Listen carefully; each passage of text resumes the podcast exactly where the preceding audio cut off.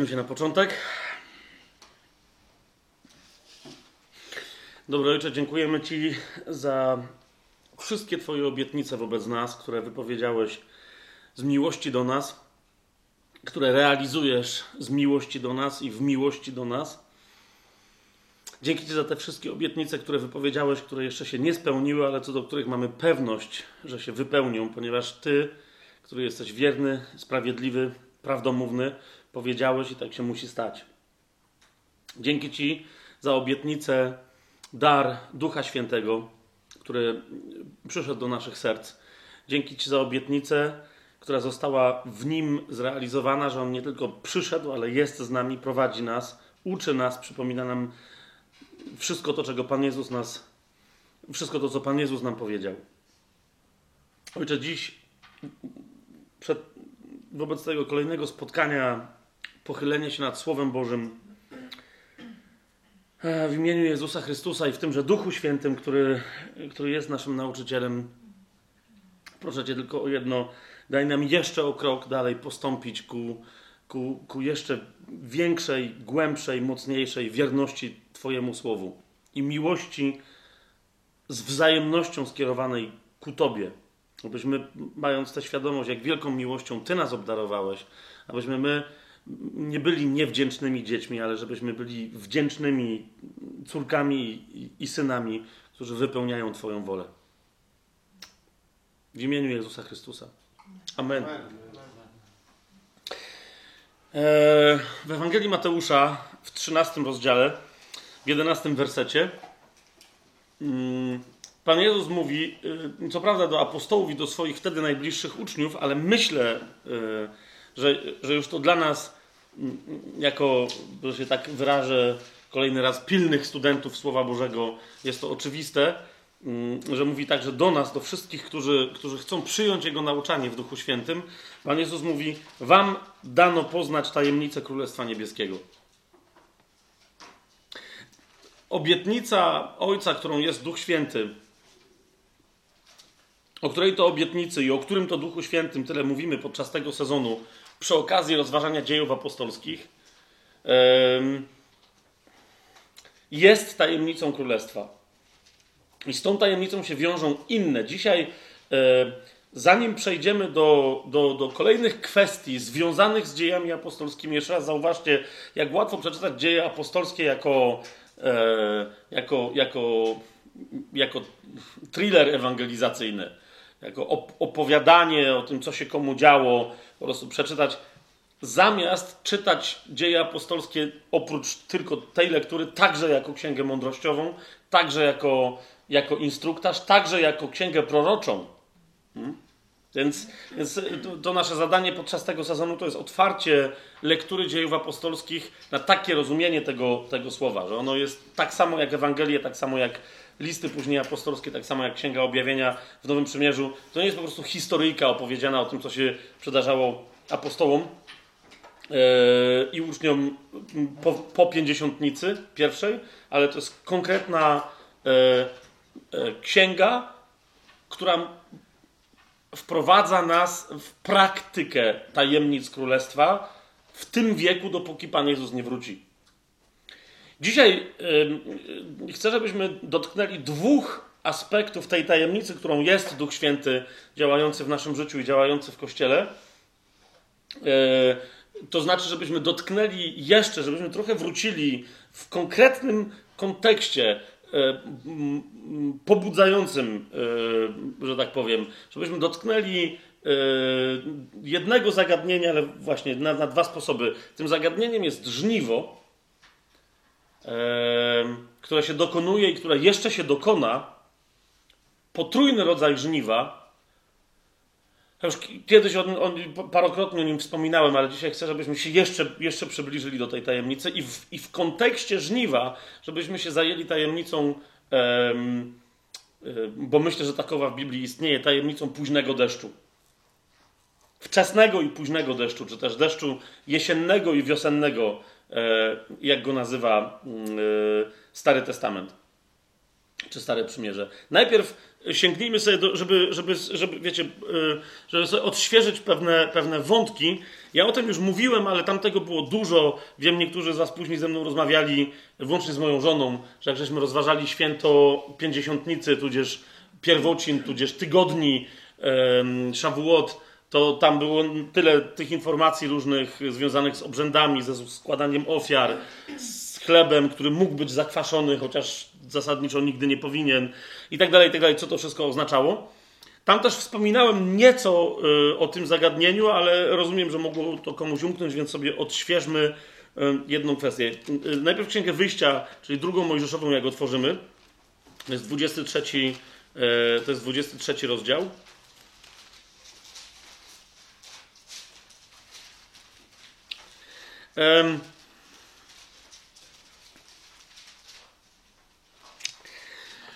O, dobrze, nie, nie, nie. E, znaczy tak, tak, e, ale muszę, muszę coś powiedzieć.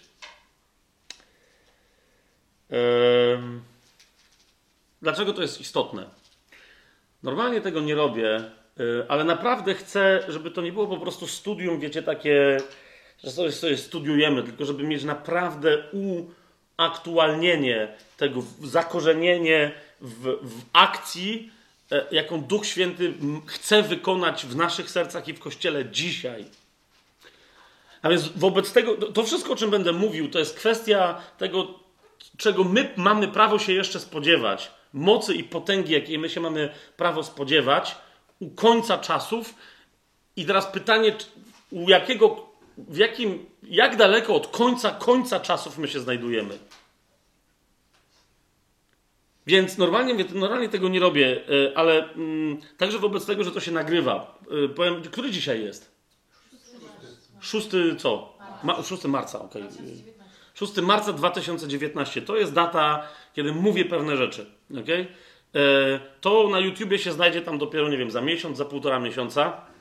Więc wobec pewnych rzeczy, o których teraz powiem, może już być. No po prostu sytuacja może już być inna.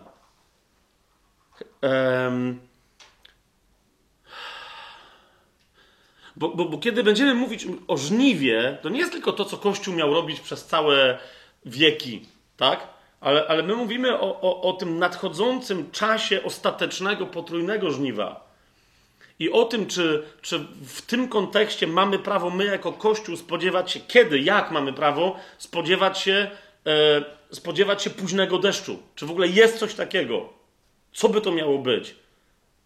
Jeżeli pięćdziesiątnica, początek Kościoła, to był pierwszy deszcz jesienny, wczesny, potem będę wyjaśniał, dlaczego wczesny jest jesienny, a późny jest wiosenny, to czy mamy prawo jeszcze spodziewać się przed powrotem Pana czegoś równie potężnego, a może nawet potężniejszego, czyli deszczu późnego.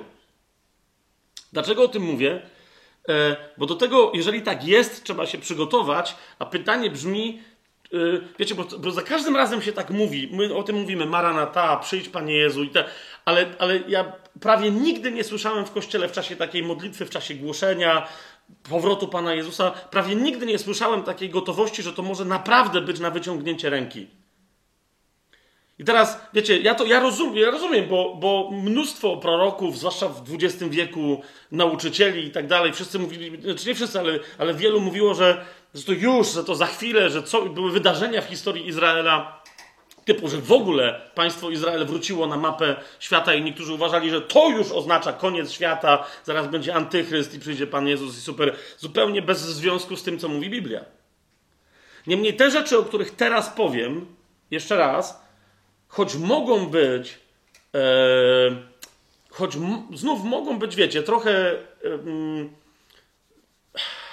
nakręcaną historią przez niektóre środowiska politycznie, myślę, że nie możemy o, przejść obok nich w kontekście tego, co tu rozważamy i tego, kim jesteśmy jako chrześcijanie, obojętnie. Ok? Jak w, w zeszłym roku, bo, jest, bo dzisiaj jest, który jeszcze raz, 6 marca? Ja nie wiem, jestem jakiś taki zawieszony w przestrzeni kosmicznej wobec kalendarza czasem. 6 marca 2019 roku, czyli w zeszłym roku, w maju 2018 roku, świat chrześcijański się mocno poruszył, kiedy prezydent Donald Trump e, zrobił coś, co, czego się Izrael spodziewał po wielu wcześniejszych, no, tam paru wcześniejszych prezydentach. Nikt tego nie, nie zrobił, a on to zrobił. Powiedział: Uznajemy, jako Stany Zjednoczone Ameryki, uznajemy, e, że stolicą Izraela jest Jerozolima. Okej. Okay. Wszyscy się poruszyli, bo okej, okay, to, to ma znaczenie profetyczne i było mnóstwo historii na ten temat, ale nikt nie, nie bardzo wiedział, co, co by miało z tego wynikać. Niemniej miesiąc, troszkę ponad miesiąc później, Instytut Świątynny, który cały czas prze, jako główna siła, w zasadzie jedyna w świecie i w Izraelu, do odbudowania świątyni e, w Jerozolimie, wybił monetę. Najpierw był projekt, ale bardzo szybko pojawiła się tam, nie wiem czy to była moneta, czy medal, jaki to miało charakter, z drogiego kruszcu, tam było parę wersji, która przedstawiała z jednej strony yy, wizerunek świątyni, która ma być odbudowana w Jerozolimie, a z drugiej, to jest niezwykle istotne, dwa profile Cyrusa, który jak pamiętacie, Biblia pokazuje, którego Biblia pokazuje jako tego, przez którego Bóg posłużył się, żeby świątynia Salomona została odbudowana, a więc dzięki którego edyktom e, imperialnym e, powstała druga świątynia, a więc profil, e, a więc profil e, Cyrusa, starożytnego przywódcy, i profil Donalda Trumpa nałożony na ten jako współczesnego pogańskiego władcy, przez którego może być odbudowana trzecia świątynia. No i też wtedy wzruszyłem ramionami, bo wszyscy się ekscytowali, ale jakby co z tego wynika? Instytut Świątynny istnieje od, od paru dziesięciu lat E, czy te koncepcje ostatnio się robi coraz bardziej aktywny, mają przygotowane wszystko, tak? Szaty, sprzęty, mają przygotowane wszystko. Ale okej, okay, no wybili monetę.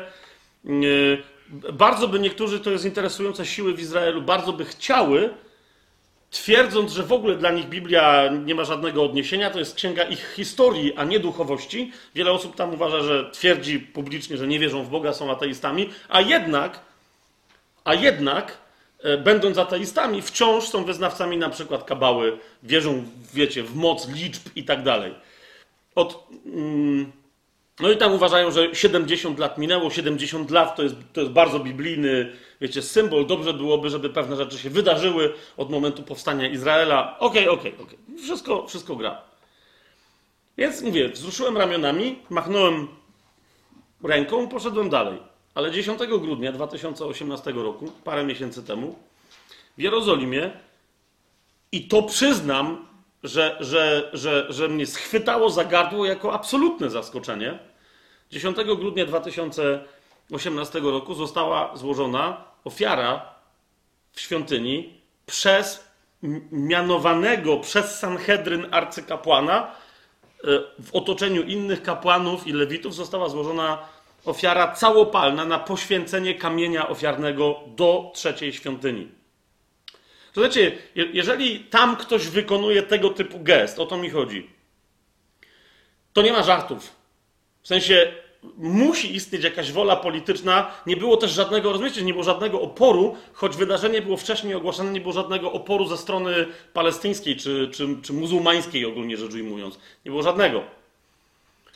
A więc został poświęcony ten, ten kamień. Wszystkie sprzęty, które przynależą już do świątyni, odpowiednio poświęcone i tak dalej, które powinny brać udział w tym poświęceniu, tam się znalazły.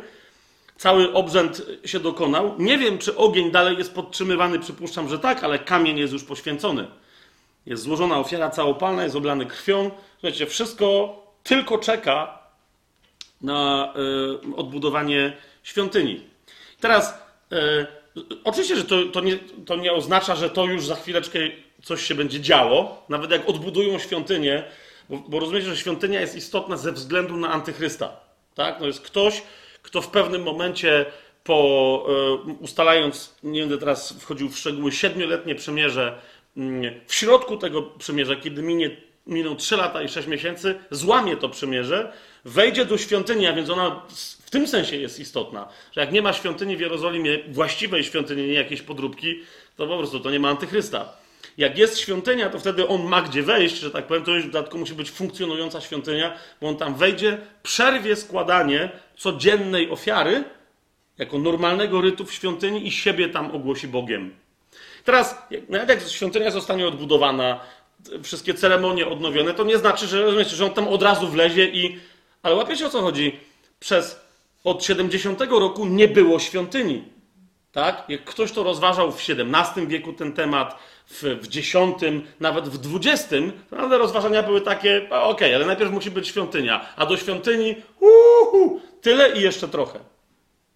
Teraz nagle coś się dzieje, rozumiecie, coś, coś się bardzo mocno dzieje. W sensie Izrael w styczniu oficjalnie zaatakował e, w, w Syrii, co prawda, ale irańskie e, i, i, irańskie e, konstrukcje tam jakieś militarne e, placów, no nie chcą za bardzo mówić e, na ten temat.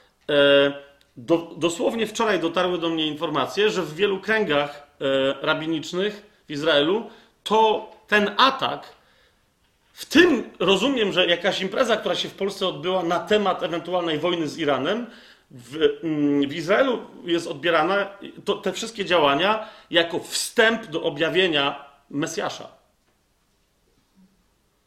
A dosłownie wczoraj dostałem informację od ludzi, Chloe, moja żona przy tym była, jak widziała moje, e, moje skonfundowanie, jak, jak wielu tam e, w Jerozolimie, zwłaszcza e, w szkołach rabinicznych, jak wielu Żydów przyjęło prawie za pewnik, że Mesjasz pojawi się, jeszcze raz 2019 rok. Rozumiecie, że Mesjasz pojawi się w 2019 roku i oni teraz mówią o tym publicznie, choć wiedzieli od paru lat.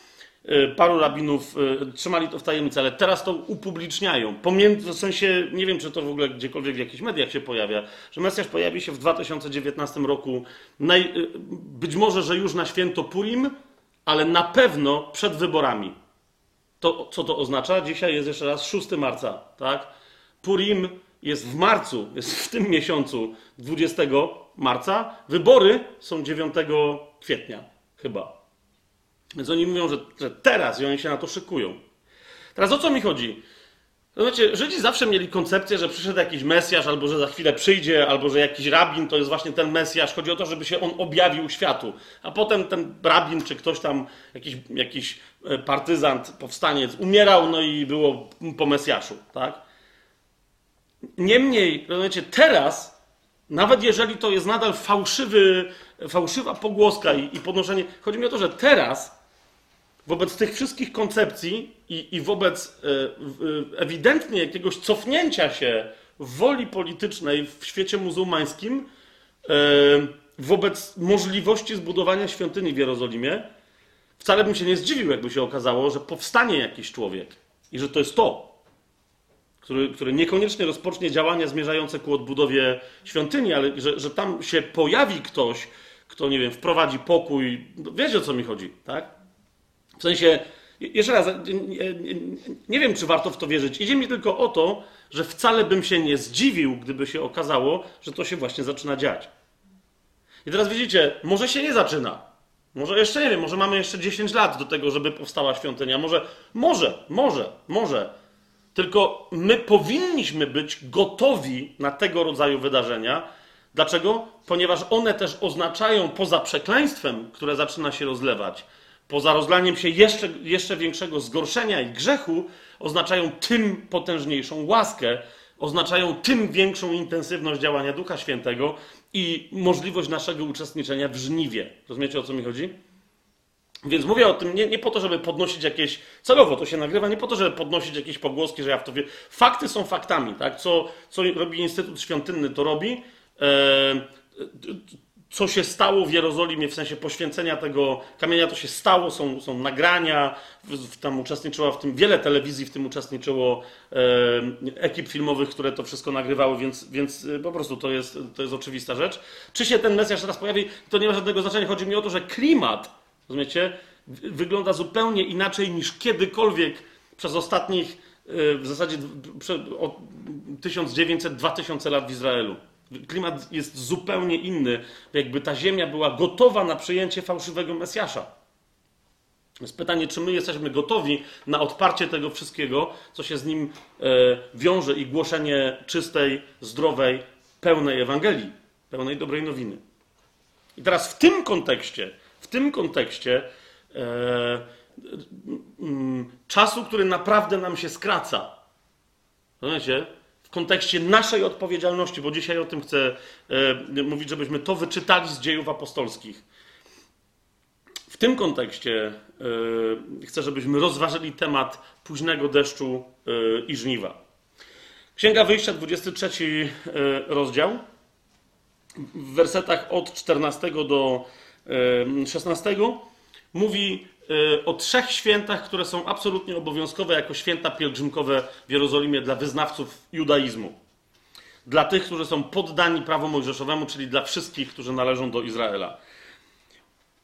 To jest yy, druga Mojżeszowa 23, 14 i dalej. Trzy razy w roku będziesz obchodzić dla mnie święto. To są słowa Jahwe.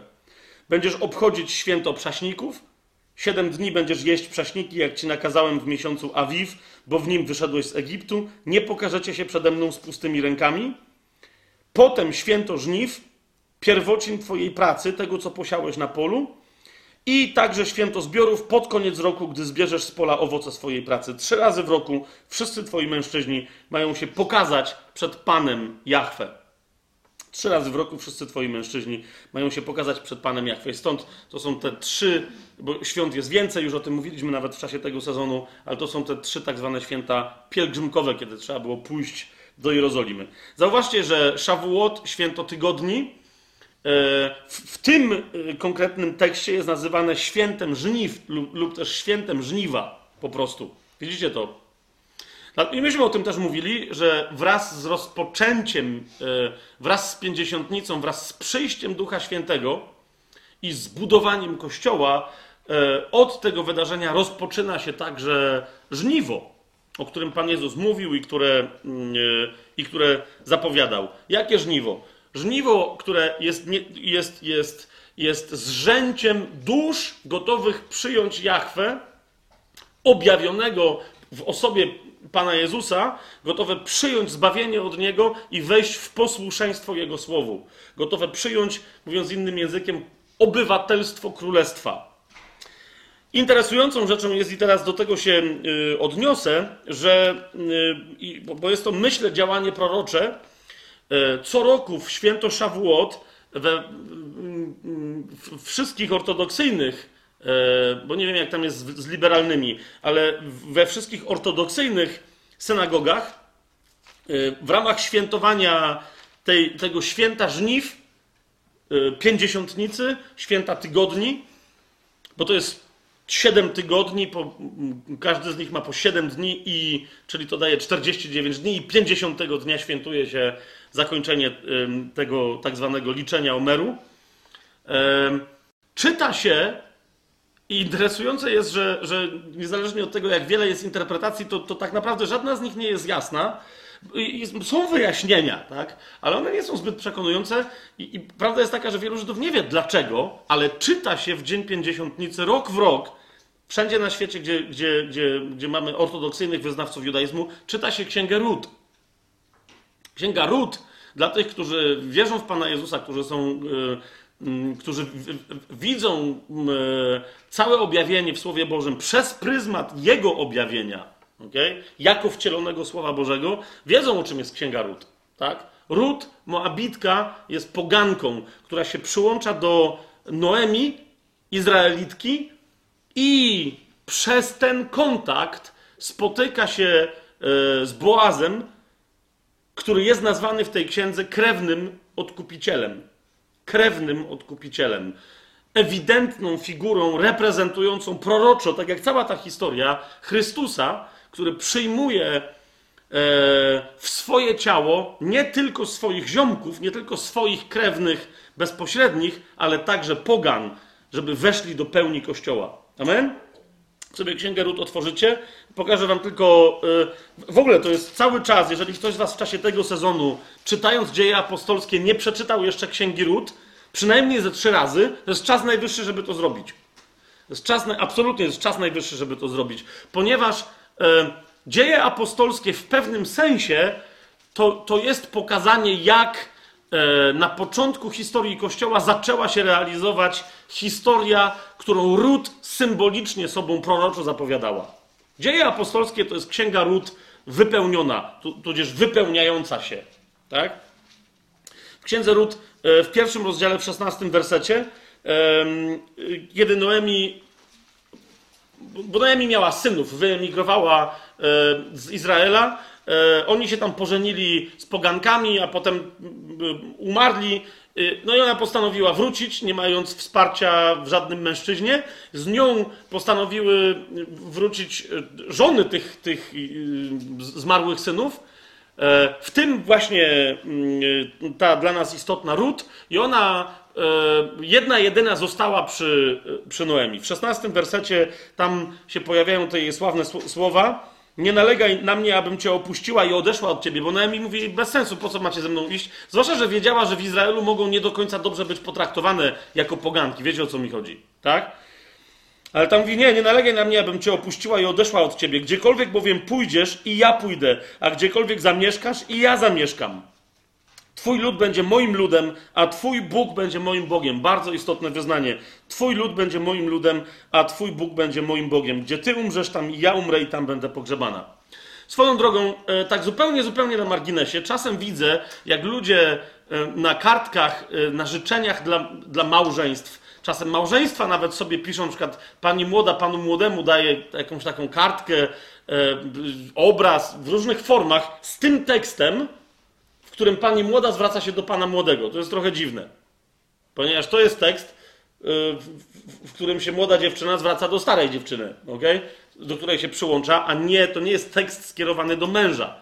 Ja, ja rozumiem, że tam ktoś, okej, gdzie ty pójdziesz, ja tam pójdę. To jest fajnie, że kobieta tak mówi do, do męża, ale jak ktoś zna historię ród i skąd ten cytat pochodzi, to, to, to zawsze jest takie trochę niezręczne, jeżeli wiecie o co mi chodzi.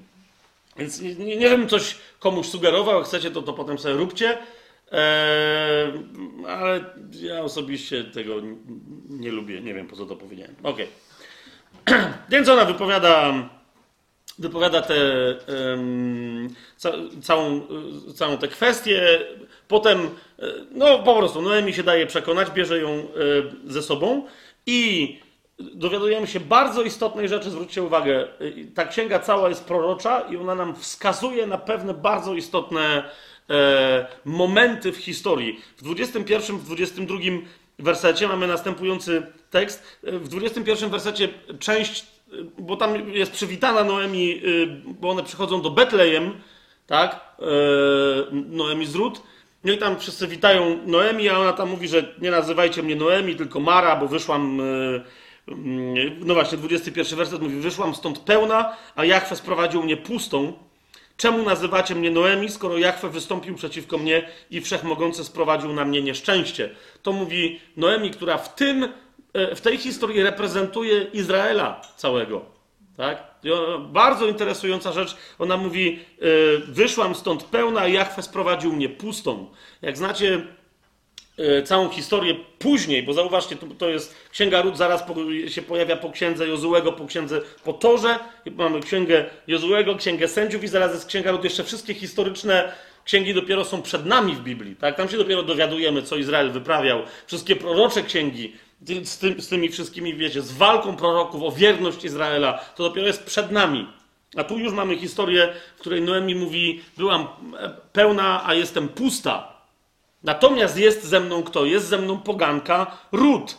I zobaczcie, 22 werset. Wróciła więc Noemi, a z nią Rut Moabitka, jej synowa, która wróciła z, z krainy Moabu, a przyszły do Betlejem, uwaga, na początku żniw jęczmienia. Myśmy o tym już mówili, jak rozważaliśmy święta, teraz tylko przypomnę, początek żniw jęczmienia to, to, to zasadniczo jest Pascha. To jest wtedy, kiedy one się pojawiają e, w, Betlejem. Tak? E, Przynosi się e, jednym z elementów obchodów Paschy później po, po Pasrze jest ten dzień przyniesienia, ten, ten dzień, kiedy Pan Jezus zmartwychwstaje. Pamiętacie, to, to, to jest dzień przyniesienia pierwocin jęczmiennych. Więc one się wtedy pojawiają, żniwa jęczmienne się wtedy y, y, zaczynają. Otwórzmy sobie drugi rozdział. Y, jeszcze raz mówię, poczytajcie sami, tam znajdziecie znacznie więcej, znacznie więcej smaków i wątków i, i proroctw tutaj. Tak? Ja tylko chcę pokazać to, co dla nas na dzisiaj jest istotne. Kiedy się pojawia ród jako proroctwo na temat Kościoła e, pojawia się w porze żniw, który później ta pora jest zaznaczona zmartwychwstaniem Jezusa. W drugim rozdziale, e, w wersetach 11-13 e, tejże księgi Ród, mamy spotkanie e, Boaza z Ród, który jej mówi: Dokładnie opowiedziano mi o wszystkim, co uczyniłaś dla swojej teściowej po śmierci swojego męża, dla Noemi Żydówki. Tak? I to, jak opuściłaś swojego ojca i swoją matkę oraz ziemię, w której się urodziłaś, i przyszłaś do ludu, którego przedtem nie znałaś. To jest bardzo istotne. Tak? Ona przyszła do ludu, którego nie znała, Ród Moabitka, do Boga, którego nie znała. Powiedziała: Twój lud będzie moim ludem, Twoja ziemia będzie moją ziemią, Twój Bóg będzie moim Bogiem. I teraz on do niej mówi, Boaz do niej mówi: Niech Jahwe wynagrodzi Twój uczynek i niech będzie pełna Twoja zapłata od Jahwe, Boga Izraela, pod którego skrzydła przyszłaś się schronić. W zasadzie każde tutaj, wiecie, to kluczowe słowo, Twój uczynek, wynagrodzić Cię, ten Twój uczynek, otrzymać zapłatę od Jahwe, schronić się pod Jego skrzydła. Zauważcie, ile tu jest wątków, które można studiować przez całą Biblię, aż do końca, włącznie z Nowym Przymierzem. Wiecie, o co mi chodzi? Więc on, on, on, on tu, tu jej mówi, że, że niech będzie pełna, bardzo istotne, niech będzie pełna Twoja zapłata od Jahwe. Hmm? A propos proroctwa dla, dla Kościoła. I teraz w, tej, w tym samym drugim rozdziale, w 23 wersecie, ten, ten rozdział się kończy znowu bardzo ważną informacją, na którą łatwo przejść tak, że a okej, okay, a ona jest prorocza. Pozostała więc Rut ze służącymi Boaza i zbierała kłosy. Zauważcie, Rut jest kobietą, która, która bierze udział e, w pewnym sensie w żniwie. Nawet zbierając resztki, stanie się pobłogosławiona ponieważ istniało prawo, które mówiło, żeby nie zżynać wszystkiego z pola, ale żeby zostawić na polu e, zboże dla ubogich, tak? Jeżeli coś spadło na ziemię, żeby tego nie, nie brać, żeby rogów, e, kątów pola, żeby nie, e, nie dokosić, tylko żeby pozwolić ubogim, żeby tam przyszli i sobie zbierali. I z tego prawa korzysta, mm, korzysta. Pozostała więc ze służącymi Boaza i zbierała kłosy, dopóki nie skończyły się, uważajcie, żniwa jęczmienia i pszenicy a mieszkała ze swoją teściową. Żniwa jęczmienia yy, się kończą, a zaczynają się żniwa pszenicy, kiedy w dzień pięćdziesiątnicy. W dzień pięćdziesiątnicy. Więc ona przechodzi, bierze udział we wszystkich tych żniwach. Okay? W przygotowaniu do pięćdziesiątnicy i w tym, co się dzieje po pięćdziesiątnicy. Teraz zobaczcie, przeskoczymy dalej. Ród, czwarty rozdział. Ta Rut, która uczestniczy i tak się zapoznaje z Boazem, to jest jej związek, tak? Poprzez żniwa w czwartym rozdziale, w szóstym wersecie, e, bo Boaz jej mówi, że ja nie jestem najbliższym krewnym, który możecie wykupić. Tam nie będziemy, to, myśmy kiedyś w którymś tam sezonie rozważali dokładniej, co się dzieje w księdze Rut, więc sobie tam możecie wrócić. Mm, albo samemu też prześledzić i przestudiować, o co chodzi z tymi, z tymi wykupami, kto kogo, po co wykupywał. Nie chodzi o to, że sobie kupował. Jasne to jest dla was, tak? On tylko, tylko po prostu wyzwalał go do pewnych możliwości. I Boaz y, odkrył, że tam jest jakiś inny krewny. To jest bardzo interesujące, y, jak w tym szóstym wersecie ten krewny mówi. Na możliwość wykupienia ród i tam całe tego wszystkiego, co mógł tam wykupić. Nie mogę go wykupić, żebym czasem nie poniósł szkody na własnym dziedzictwie, mówi tamten krewny. Ty wykup dla siebie moje prawo wykupu, gdyż ja nie mogę go wykupić. Zdanie, które wyraźnie pokazuje, że jest tylko jeden krewny odkupiciel, który był w stanie nas odkupić Nikt inny z tych, którym, którzy, którzy wydawałoby się, że mogliby nam pomóc, nie ma w historii ludzkości żadnego innego człowieka z wyjątkiem tego jednego krewnego odkupiciela, którym jest Jezus, który mógł dokonać tego wykupu. Każdy inny, niezależnie od tego, jakie miał możliwości polityczne, finansowe, moralne, jak bardzo był święty, czy bogaty, czy cokolwiek jeszcze nie mógł, nie mógł po prostu nikt nie jest w stanie e, pozyskać prawa wykupu. Jeden, jedyny w historii dziejów, który mógł wykupić wszystkich i który to zrobił, to był Jezus. E, jego tu reprezentuje w tej historii Boaz. Zobaczcie w dziewiątym wersecie i dalej. Potem Boaz przemówił do starszych i do całego ludu. Dziś jesteście świadkami, że nabyłem z ręki Noemi wszystko, co należało do Elimelecha oraz wszystko, co należało do Kiliona i Machlona. Także Rut Moabitkę, żonę Machlona, nabyłem sobie za żonę, aby wzbudzić imię zmarłego na jego dziedzictwie, aby nie zginęło imię zmarłego wśród jego braci, ani z bramy jego miejsca. Wy jesteście dziś tego świadkami. I na to cały lud, który był w bramie miasta i starsi odpowiedzieli: Jesteśmy świadkami. I teraz uważajcie na to zdanie. Niech Jahwe sprawi, aby kobieta, która wchodzi do Twojego domu, była jak Rachel i jak Lea, które zbudowały dom Izraela. Wow! No wiesz, że mamy dosyć interesujące wyznanie. Jeszcze raz, y, tutaj w każdym z tych zdań istnieje mnó mnóstwo wątków. Ale tak zupełnie na, y, znów na innego rodzaju marginesie, ale powiem to wyraźnie.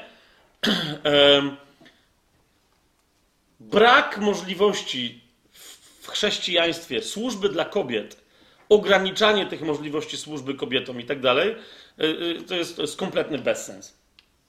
Ale od- Jak kto na to wpadł w historii dziejów chrześcijaństwa, że, że kobiety mają nic nie robić w kościele, jest, jest szaleństwem, począwszy od tego, od tego zdumiewającego wyznania, w którym myślę, że proroczo ci mężczyźni, bo to byli sami mężczyźni, powiedzieli, że dom Izraela został zbudowany przez kobiety. Rozumiecie o co mi chodzi? Dom Izraela został zbudowany przez kobiety. Izrael oczywiście był mężczyzną, ale jego dom został zbudowany przez kobiety. Tak wygląda ta historia. Mateusz wyraźnie to też pokazuje w rodowodzie Pana Jezusa. Gdyby nie kobiety, ten rodowód byłby niemożliwy. Tak, popatrzcie na przykład na historię Tamar. E, więc, więc jeszcze raz, Kościół, który nie demonstruje tego, że jest budowany, że Chrystus buduje przez misję mężczyzn, przez misję kobiet, przez ich społeczność, bo wszyscy są nowymi stworzeniami w Chrystusie, to, to, je- to jest jakieś bardzo poważne nieporozumienie, ale o tym będziemy mówić e, mm, jeszcze w następnych dwóch spotkaniach, y, dlatego że dzieje apostolskie też opowiadają i, i chcę, żebyśmy to zobaczyli, jak według Ducha Świętego ma wyglądać Kościół. I, i także o kobietach w Kościele będziemy, w ogóle o, o, o, o strukturach, jeżeli się mogę tak wyrazić, o- o strukturach Kościoła. E, Zauważcie, że sam, sama końcówka tej, tej księgi w zasadzie wygląda jak fragment e, rodowodu Pana Jezusa e, z Ewangelii Mateusza. Tak? A oto potomkowie Peresa. Peres spłodził Hesrona, to jest, to jest tego czwartego rozdziału, 18 werset i dalej. Hesron spłodził Rama i tak dalej. 22 werset. A Obed, bo, bo to jest ten, który się zrodził z Rut i, e, e, e, z Boaza, a Obed spłodził Jessego, a Jesse spłodził Dawida. I wiecie, można otworzyć Ewangelię Mateusza i sobie czytać dalej. Tak? To jest jeden z fragmentów tej historii. Historii Jezusa. Teraz mm, między innymi Izajasz bardzo wyraźnie zapowiada, tylko u niego wam pokażę, ale poszukajcie sobie sami tych wątków, bo jest interesującą rzeczą, jak wiecie, jak, jak Bóg widzi Kościół jeszcze w Starym Przymierzu, jak go zapowiada, jak, jak o nim opowiada. Bo, bo, bo to jest także ta część Biblii i Słowa Bożego, która jest nam potrzebna do zrozumienia nowego, e, e, Słowa Nowego Przymierza, pism apostolskich, które bardzo często są zdawkowe, gdy chodzi o pewne tematy. Czemu? Ponieważ uważają, że, że czytelnik, Paweł zwłaszcza, uważa, że jego czytelnik e, jest obeznany z pismem. Ale tak samo Piotr. Oni się posługują, rozumiecie, czasem po prostu hasłami, w ramach których wiedzą, że ktoś ma przepracowany temat. Że to się będzie e, na, na, na, czy na osobistym studium pisma, czy na zborowych spotkaniach, że po prostu, że, że to jest tyle razy przewałkowane w ramach podstaw, że on nie musi dalej tego tłumaczyć, co to jest królewskie kapłaństwo, na przykład Piotr i tak dalej, i tak dalej. Mm, ale, ale w tej kwestii tylko Izajasza sobie otwórzmy. Zobaczcie drugi rozdział. Tak po prostu, bardzo, bardzo szybko. Izajasza drugi rozdział, bo, bo, bo właśnie jak chcemy poruszyć temat, ten, ten, ten dziwny temat późnego deszczu, to, to, to potrzebujemy to widzieć. To jest drugi rozdział Izajasza, od drugiego e, wersetu czytamy. Stanie się w dniach ostatecznych, zresztą te, to słowo będzie nam dzisiaj towarzyszyć. Okay? Dni ostateczne. Dni ostateczne, zwróćcie na to uwagę. Stanie się w dniach ostatecznych i zwróćcie uwagę na to sformułowanie jeszcze raz. Ja później do niego e, się odwołam i do niego nawiążę. Okay? stanie się w dniach ostatecznych, że góra domu Jahwe będzie utwierdzona na szczycie gór i wywyższona ponad pagórki i wszystkie narody popłyną do niej. Widzicie to? To jest... Yy... Co to za góra? Co to za góra? Hmm? Syjon, to jest góra Syjon, tam gdzie jest Jerusalem. I pójdzie wiele ludów i powie: chodźmy, chodźcie, wstąpmy na górę Jachwę, do domu Boga Jakuba. Zauważcie, te ludy nie kwestionują e, Jakuba. Te ludy nie kwestionują Izraela, tak? Ale są innymi narodami. Do domu Boga Jakuba, on będzie nas uczył swoich dróg, a my będziemy kroczyli jego ścieżkami. Z Syjonu bowiem wyjdzie prawo, a słowo Jahwe z Jerozolimy. On będzie sądził wśród narodził, narodów i karcił wielu ludzi. Jeszcze raz, e, dla tych, którzy pamiętają, to przypomnę tym, ty, dla tych, którzy tego nie, nie, nie było i, i kogoś wtedy, czy to rozumiem, e, ale, ale, zwracam Wam uwagę na to, że to jest e, objawienie, zwróćcie uwagę w trzecim wersecie, z Syjonu bowiem wyjdzie prawo, a słowo Jachwę z Jerozolimy. Zauważcie, że objawienie prawa to objawienie prawa jest nowym objawieniem czegoś zupełnie nowego. Ok? To nie jest objawienie z Synaju, to jest objawienie z Syjonu. To musiało być dziwne dla, dla pierwszych słuchaczy i później dla wszystkich czytelników Izajasza, dla Żydów, którzy świetnie wiedzieli, że przecież prawo pochodzi przez Mojżesza skąd? Z Synaju. A tu nagle on mówi, z Syjonu bowiem wyjdzie prawo. A więc mówi wyraźnie, wyjdzie nowe prawo które będzie także nie tylko dla domu Jakuba, ale dla wszystkich narodów dostępne w zupełnie nowy sposób. Z Syjonu wyjdzie prawo i uważajcie, a słowo Jahwe z Jerusalem. Znowu, Pan przemawiał do nas na tej górze, która się trzęsła, do której się nie zbliżyliśmy, gdzie poszedł Mojżesz. To jest rozumienie, wiecie, klasycznego wyznawcy judaizmu. Ten werset jest bardzo niewygodny, bo popada pytanie, jakie to słowo wyszło z Jerozolimy. No wiemy, to słowo, które tam przyszło, tak? Które się, to słowo wcielone, które się urodziło w Betlejem i które szło całe swoje życie do Jerozolimy, żeby ostatecznie oddać tam życie i stać się arcypasterzem owiec, którymi my jesteśmy. W księdze Izajasza w 11, e, w 11 rozdziale, w 10 wersecie, to oczywiście te wszystkie fragmenty, które wam podaję, mają cały szerszy kontekst na temat dni ostatnich. Ja wam tylko zwracam uwagę na to, jak choćby u samego tylko Izajasza wątki kościoła, rozumianego jako połączenie Noemi i Rut, jako połączenie domu Izraela i pogan. Okay? Są, są wszędzie obecne. 11 rozdział, 10 werset Izajasz mówi, w tym dniu, yy, albo też od tego dnia, korzeń Jesego będzie stać jako sztandar dla narodów. Poganie będą się do niego zwracać, albo też nawracać, Zauważcie, bo to można równie dobrze tak y, tutaj ten hebrajski zwrot przetłumaczyć. Poganie będą się do niego nawracać, a jego odpoczynek będzie cudowny. Dla kogo? No dla tych, którzy się do niego, y, dla tych, którzy się do niego nawrócą. Y, tych wątków jest więcej, ale tylko zobaczcie Izajasza jeszcze 35 rozdział. Już to tutaj cytowałem, ale zobaczcie ten, ten związek Boaza jako, jako, jako figury krewnego odkupiciela później u proroków, kiedy Jachwę się przedstawia jako odkupiciel, on się dokładnie jako taki odkupiciel przedstawia. Na przykład w tym fragmencie, to jest 35 rozdział Izajasza, wersety 8 do 10.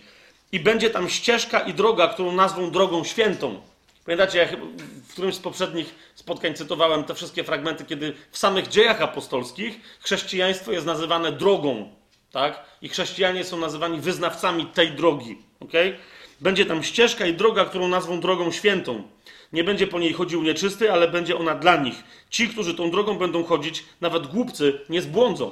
No właśnie, tak jak, jak Paweł potem mówi, popatrzcie bracia pośród siebie, yy, nie ma tam wielu mądrych i tak dalej, i tak dalej, to to jest dokładnie ten fragment. On mówi, no wielu jest głupich. No, tak delikatnie on to, to rozważa. I w Duchu Świętym uzyskujecie mądrość i moc.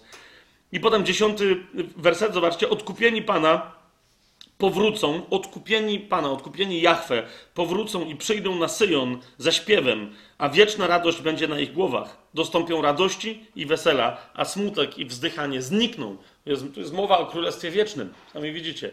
Na zawsze. Izajasz 42 rozdział. Jeszcze raz, bo to są wiecie, rzeczy, które jakiś Izajasz ileś tam tysięcy lat temu myślał, bo mu Bóg powiedział na twój i na mój temat. Wow! 42 rozdział Izajasza, 16 werset. Powiodę ślepych drogą, której nie znali. Poprowadzę ich ścieżkami, o których nie wiedzieli. Ciemność zamienię w światłość przed nimi, a miejsca nierówne w równinę. To są rzeczy, które dla nich uczynię, a nie opuszczę ich. Hmm? Dla ślepych, dla potrzebujących. Zobaczcie, jak jest opisywany, do kogo przychodzi e, Mesjasz. U samego chociażby tylko mm, Izajasza. W 43 rozdziale, mm, w 21 wersecie. Ten lud, który dla siebie stworzyłem, będzie opowiadać moją chwałę. I teraz ja rozumiem, że wcześniejszy kontekst, niektórzy mówią, e, zauważcie, w tym wcześniejszym kontekście to jest 43 rozdział, na przykład 14 werset, tak mówi Jahwe, wasz odkupiciel, święty Izraela. Wiecie o co mi chodzi? Niektórzy mówią, że no, ten lud, o którym tu Bóg mówi, że sobie stworzył, to jest Izrael. Ale on też mówi, że ten lud zdradził i się, i się, i się zniweczył. I że e, jedna z myśli u Izajasza jest taka, że Bóg musi sobie stworzyć Izraela jakby na nowo. Tak? W 20 wersecie jest, jest mój, jeden z moich ulubionych Izajasza e, tekstów. Chwalić mnie będą zwierzęta polne, smoki i sowy. To jest, e, to jest jeden z moich ulubionych e, tekstów a propos stworzenia, które, które jęczy i wzdycha na objawienie się, czekając na objawienie się synów Bożych. Ale jak sobie wyobrażam te zwierzęta polne różne, wiecie, myszy, małe sowy, które Sowy są takie, wiecie, takie mało dynamiczne do uwielbiania, ale wyobraźcie sobie, że, że te głowy takim się kręcą cały czas. Uhu, halleluja. Okej, okay, dobra, jesteście na miejscu, widzę, że wszystko gra. 21 werset. Ten lud, który dla siebie stworzyłem, będzie opowiadać moją chwałę. Jeżeli to jest lud, który potrzebuje odkupiciela, czasami widzicie, że to jest lud e, Noemi, to jest lud Izraela, ale to jest też lud Rut. Rozumiecie o co mi chodzi? To jest, to jest, ktoś, kto potrzebuje tego odkupiciela, o którym Księga Rut tak wyraźnie yy, mówi. W 49 rozdziale, nie będziemy więcej tego obserwować, sami, jeżeli chcecie, prześledźcie, poszukajcie. Yy, trzeba trochę wysiłku, bo, bo myślę, że jest mało takich opracowań, które widzą Kościół w zapowiedziach starotestamentowych, co jest dziwne. To jest dziwne dla mnie, ale okej. Okay. Jeszcze raz, nie chodzi mi o, oczywiście o teologię zastąpienia, żeby wszędzie, gdzie Bóg mówi o historii Izraela przyszłej i tak dalej, żeby widzieć tam Kościół, bo to jest bez sensu. Tylko mówię o tym, że historia Izraela to jest historia Izraela, historia Kościoła to jest historia Kościoła i ona też się w Piśmie znajduje. W 49 rozdziale wersety 6 yy, i dalej i powiedział, czyli się Jachwę, to za mało, że jesteś moim sługą, aby podźwignąć pokolenia Jakuba i przywrócić ocalonych z Izraela. 49 werset 6 i dalej. To za mało, że jesteś moim sługą, aby podźwignąć pokolenia Jakuba i przywrócić ocalonych z Izraela. Dlatego ustanowię cię światłością dla pogan, abyś był moim zbawieniem aż do krańców ziemi. To jest mowa o Mesjaszu pańskim. Ustanowię cię światłością dla pogan, abyś był moim zbawieniem aż do krańców ziemi. Bez żadnych ograniczeń, nie tylko dla Izraela, nie tylko dla Jakuba, nie tylko dla Judy. Tak mówi Jahwe, zauważcie znowu, odkupiciel Izraela i jego święty, do tego, którym każdy gardzi i którym brzydzą się narody, do sługi władców. Królowie zobaczą cię i powstaną, książęta oddadzą ci pokłon przez wzgląd na Jahwe, który jest wierny, przez wzgląd na świętego Izraela, który cię wybrał. Tak mówi Jahwe, w czasie pomyślnym wysłuchałem Cię, a w dniu zbawienia przyszedłem Ci z pomocą. Będę Cię strzegł i ustanowię Cię przymierzem dla ludu, abyś utwierdził ziemię i rozdzielił opustoszałe dziedzictwa. Do kogo to mówi Jachwę? Do Jezusa. Do nikogo innego. Potem w drugim do Koryntian Paweł y, między innymi y, ten fragment cytuje w czasie pomyślnym wysłuchałem Cię, a w dniu zbawienia przyszedłem Ci z pomocą. Je, jeszcze raz, u samego Izajasza to pokazuje wam tylko takie oczywiste fragmenty, które mówią e, o wprowadzeniu pogan w pełnię, okay? które, które wyraźnie e, mówią, czym jest żniwo, że żniwo ma się rozchodzić aż po krańce ziemi. Widzicie to tutaj, tak? Szósty werset. Ustanowię cię światłością dla pogan, abyś był moim zbawieniem aż do krańców ziemi. I teraz przypomnijcie sobie Jezusa, który powiedział apostołom 10 dni przed pięćdziesiątnicą, przed zesłaniem Ducha Świętego, będziecie moimi świadkami w Jerozolimie, w Samarii i aż dokąd? I aż po krańce ziemi. To jest dokładnie to sformułowanie. I aż po krańce ziemi. Teraz, kochani, jak mamy ten kontekst, ok? Jak mamy ten kontekst, że to jest żniwo, to jest żniwo. Chcę wam pokazać inną jeszcze, jeszcze, żebyśmy później zaczęli to wszystko łapać, żebyśmy to e, i żebyśmy zaczęli rozumieć, o co, o, o co biega. Otóż nie ma żniwa w Izraelu, choć właśnie na tym polega nasz problem, że my jest, żyjemy w nieco innych warunkach atmosferycznych, nie bardzo rozumiejąc często, o czym mówi Biblia w kontekście Izraela. Biblia zawsze mówi, jeżeli coś mówi w tamtym kontekście. Okay? Centrum świata, według Biblii, jest w Jerozolimie, nigdzie indziej. Jak Biblia mówi o tym, że coś jest na południe, to jeżeli nie stwierdza, prawie nigdy nie stwierdza, że coś jest na południe od jakiegoś tam miejsca, to zawsze znaczy, że to jest na południe od Jerozolimy. Jak jest na północ, to jest na północ od czego? Od Jerozolimy. Na wschód i na zachód. Jasne to jest? Ktoś tam do mnie kiedyś przyszedł, chyba nawet z UBG z tłumaczeniem, jak Abraham tam gdzieś przechodził i mówi, jak on to szedł. Tu szedł i potem co się tu stało? To, się przeniósł w powietrzu? Co to za, za, za dziwna trasa? Potem było powiedziane, że poszedł na południe. Chodzi o to, że, e, że w tekście oryginalnym Yy, greckim, to, yy, hebrajskim było powiedziane, że jeżeli poszedł na południe, to było jasne dla pisarza, że poszedł na południe w sensie od Jerozolimy. Nawet jeżeli ona wtedy nie istniała, to nie ma nic do rzeczy. Swoją drogą, na południe od Jerozolimy mamy obszar pustynny, który się jak nazywa, jeżeli ktoś z Was pamięta z geografii? To jest pustynia Negev. Tak się nazywa. Co znaczy Negev? Południe. po prostu to jest ziemia, to jest to, tak? To jest, ona jest ziemia, która się znajduje na południe od Jerozolimy. I się nazywa, że jest na południu, to jest tylko taka nazwa, tak? Więc teraz e, w Biblii koncepcja żniwa i tak dalej jest związana z, e, z, nawet z pogodą, tak jak ją Bóg zademonstrował. Powiedziałbym, zaraz wam o tym więcej nieco opowiem, że nawet pogodę Bóg zrobił w Izraelu tak, że ludzie się, nawet dzisiaj, nawet niewierzący, jak się wobec niej ustosunkują jakoś, to zawsze to ustosunkowanie się do pogody, nawet to jest prorocze. Okay? Więc w Biblii to jest bardzo istotna zasada. Nie ma żniwu, żniw, nie ma żniwa bez uprzedniego deszczu. Jest to zrozumiałe? Żeby było żniwo, musi być deszcz. Jeżeli nie ma deszczu, to nie ma żniwa. I deszcz musi być pełny. Zaraz sobie, yy, zaraz sobie o tym nieco więcej powiemy. I jeszcze druga bardzo istotna kwestia. Jeżeli nie ma deszczu w Izraelu, to co to oznacza? To oznacza, że Izrael jest niewierny. Przenieśmy to na dzisiaj, na, na sytuację Kościoła. Jeżeli Kościół nie doświadcza dzisiaj deszczu, okay? wczesnego doświadczył, ale późnego, jeszcze będziemy o tym mówić, to oznacza jakiś, bra jakiś brak wierności, czyli jakiegoś rodzaju niewierność. Czy to jest jasne, co, czy to jest jasne, co teraz powiedziałem? Jeszcze raz powtórzę, nie ma żniw bez deszczu. Jak nie ma deszczu, to nie będzie żniwa. Będziemy sobie wmawiać, że coś żniwujemy, ale nic nie żniwujemy. Musi być deszcz, żeby było żniwo. Żeby było żniwo. I druga, jeżeli nie ma deszczu, to nie ma żniwa. Ok, przeskoczmy Przeskoczcie razem ze mną, żebyście zobaczyli, bo widzę, że tak patrzycie na mnie, do, do księgi, do piątej Mojżeszowej, yy, czyli księgi powtórzonego prawa.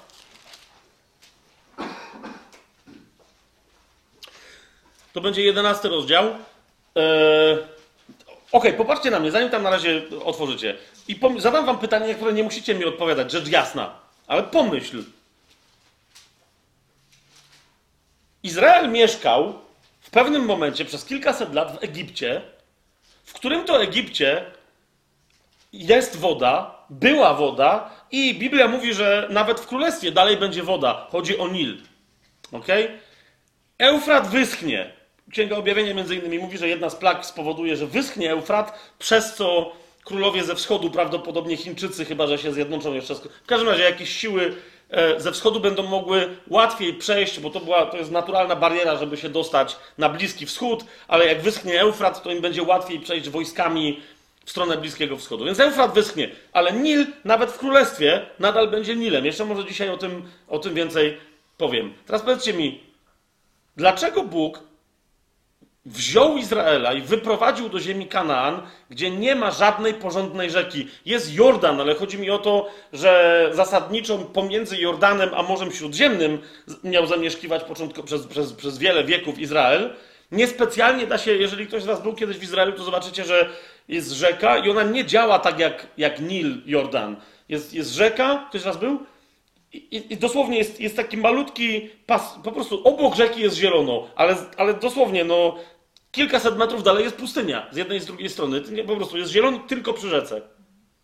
to w, żaden sposób nie nawadnia całego kraju. Czemu? Ponieważ to nie jest płaski kraj, on jest górzysty. Ta woda z Jordanu nigdzie nie, wiecie, nie, nie jest w stanie dopłynąć do Jerozolimy czy, czy gdziekolwiek. Więc dlaczego Bóg na, przykład nie wypędził Egipcjan z Egiptu i nie zostawił tam Izraelitów? No mieliby spokój, mieliby wodę, mieliby, która, wiecie, nieustannie by im pomagała. Czemu, jeżeli już ich wziął z Egiptu, wiedząc o tym, że Eufrat dopiero będzie, no jeszcze, jeszcze jest przed nami historia, kiedy będzie wysuszony, czemu ich nie wziął i nie wyprowadził do, na tereny tam, nie wiem, kto tam wtedy rządził, Asyryjczycy, czy tam Babilończycy, czy ktoś, Chaldejczycy, żeby ich nie, dlaczego ich nie przeprowadził nad Eufrat? Tylko wyprowadził ich do ziemi Kanaan, gdzie nie ma uczciwego nawodnienia. Teraz zaznaczę, to nie znaczy, że tam nie ma właściwych, odpowiednich, obfitych nawet czasami ilości wody, ale ta woda nie znajduje się w żadnych rzekach, w żadnych źródłach, które byłyby pewne w ziemi. Dlaczego? Zobaczcie, jedenasty rozdział właśnie Księgi Powtórzonego Prawa. Tam, tam Bóg daje odpowiedź na to pytanie. Yy, czyli to jest piąta Mojżeszowa od dziesiątego wersetu. I tam taki tekst... Yy, wprost z ust Jahwe padające znajdujemy. Ziemia bowiem, do której wchodzisz, aby ją posiąść, nie jest jak ziemia Egiptu, z której wyszliście. A więc pierwsza bardzo istotna rzecz, nie wiem ile razy czytaliście ten tekst, ale zwróćcie uwagę na to, że Bóg mówi: specjalnie wyprowadzam was z Egiptu. Specjalnie wyprowadzam was z kraju, w którym bezpieczeństwo zapewnia rzeka waszych y, upraw i tak dalej. Zobaczcie, Ziemia, do której wchodzisz, aby ją posiąść, nie jest jak ziemia Egiptu, z której wyszliście, którą zasiewałeś swoim ziarnem, a nawadniałeś przy pomocy swoich nóg, jak ogród jarzyn. O co chodzi? Chodzi o, o często dosłownie wydeptywanie kanałów, żeby e, woda e, z Nilu rozlewała się. Wiecie o co mi chodzi, tak? Pewnie znacznie lepiej niż ja to, y, zwłaszcza tam, gdzie, jest, y, gdzie przebywali Izraelici, gdzie jest, gdzie jest potężna delta Nilu i rozlewisko, tak? I tam dosłownie można było wydeptać dziurę w ziemi i tam się za chwilę robił, robił potoczek i kanały po prostu jak, nie wiem, w Rotterdamie czy w jakichś tam holenderskich miastach, tak? Więc y, Bóg mówi, tam tak mogliście robić. Była woda, Nil był zawsze, Nil jest pewny, Nil to jest potężna rzeka, Podoba mi się Nil, mówi Bóg, ale ja was specjalnie stamtąd wyprowadziłem, żebyście nie mieli takiej rzeki. Dlaczego? Jedenasty werset i dalej. Lecz ziemia, do której wchodzicie, aby ją posiąść, jest ziemią gór i dolin, uważajcie, która pije wodę deszczu z nieba. To jest ziemia gór i dolin, która pije wodę deszczu z nieba. Jest to ziemia, o którą Jahwe, Twój Bóg, się troszczy i na której oczy Jahwe, Twojego Boga, stale spoczywają od początku roku do jego końca. Ok. To dlaczego ta ziemia nie musi mieć rzeki? Ponieważ ta ziemia jest ziemią, którą się troszczy osobiście Bóg. I on mówi: Ja was wprowadzam do ziemi, w której wasz dostatek będzie zależeć od waszej relacji ze mną, ponieważ będziecie wiedzieli, że to ja się o was troszczę, a nie Nil, a nie jakaś rzeka. Ok? Po drugie, zwracam Wam uwagę, jeżeli sobie przypomnicie, mieliśmy całe rozważanie na temat oczów Jahwe. Ok? Jako Ducha Świętego, jako, jako, jako tych, tych, tych płomieni Bożych, Bożej menory wędrujących po ziemi. Nie pamiętam, który to był odcinek tego sezonu, ale to było w tym sezonie. Tak? Rozważaliśmy, że to po prostu. Dlaczego wiemy, że to jest Duch Święty? A więc Bóg mówi deszcz, Bóg mówi moje oczy, czyli Duch Święty.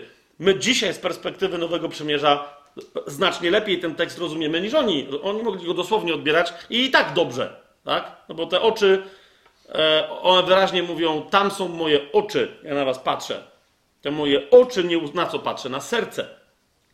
I dalej, jest to po, tym, y, po tym wyznaniu, yy, mamy powiedziane, jeżeli będziecie pilnie słuchać moich przykazań, które wam dzisiaj nakazuję, żebyście miłowali Jahwe, swojego Boga i służyli Mu z całego swojego serca i całą swoją duszą, uważajcie, wtedy dam waszej ziemi w odpowiednim czasie deszcz wczesny i późny i będziesz zbierał swoje zboża, swoje wino i swoją oliwę. Nigdy nie przestanę podkreślać, nie wiem za bardzo, co mam zrobić, żebyśmy czytając Stare Przymierze, nigdy nie omijali pięcioksięgu, czyli Tory.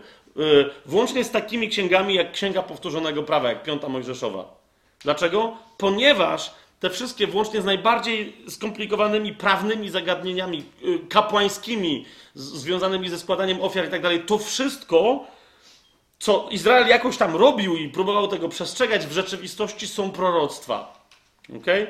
W tym jednym konkretnym zdaniu Bóg powiedział: Wprowadzam cię do ziemi, w której Twój dobrobyt, a moje błogosławieństwo będzie zależeć od Twojej wierności.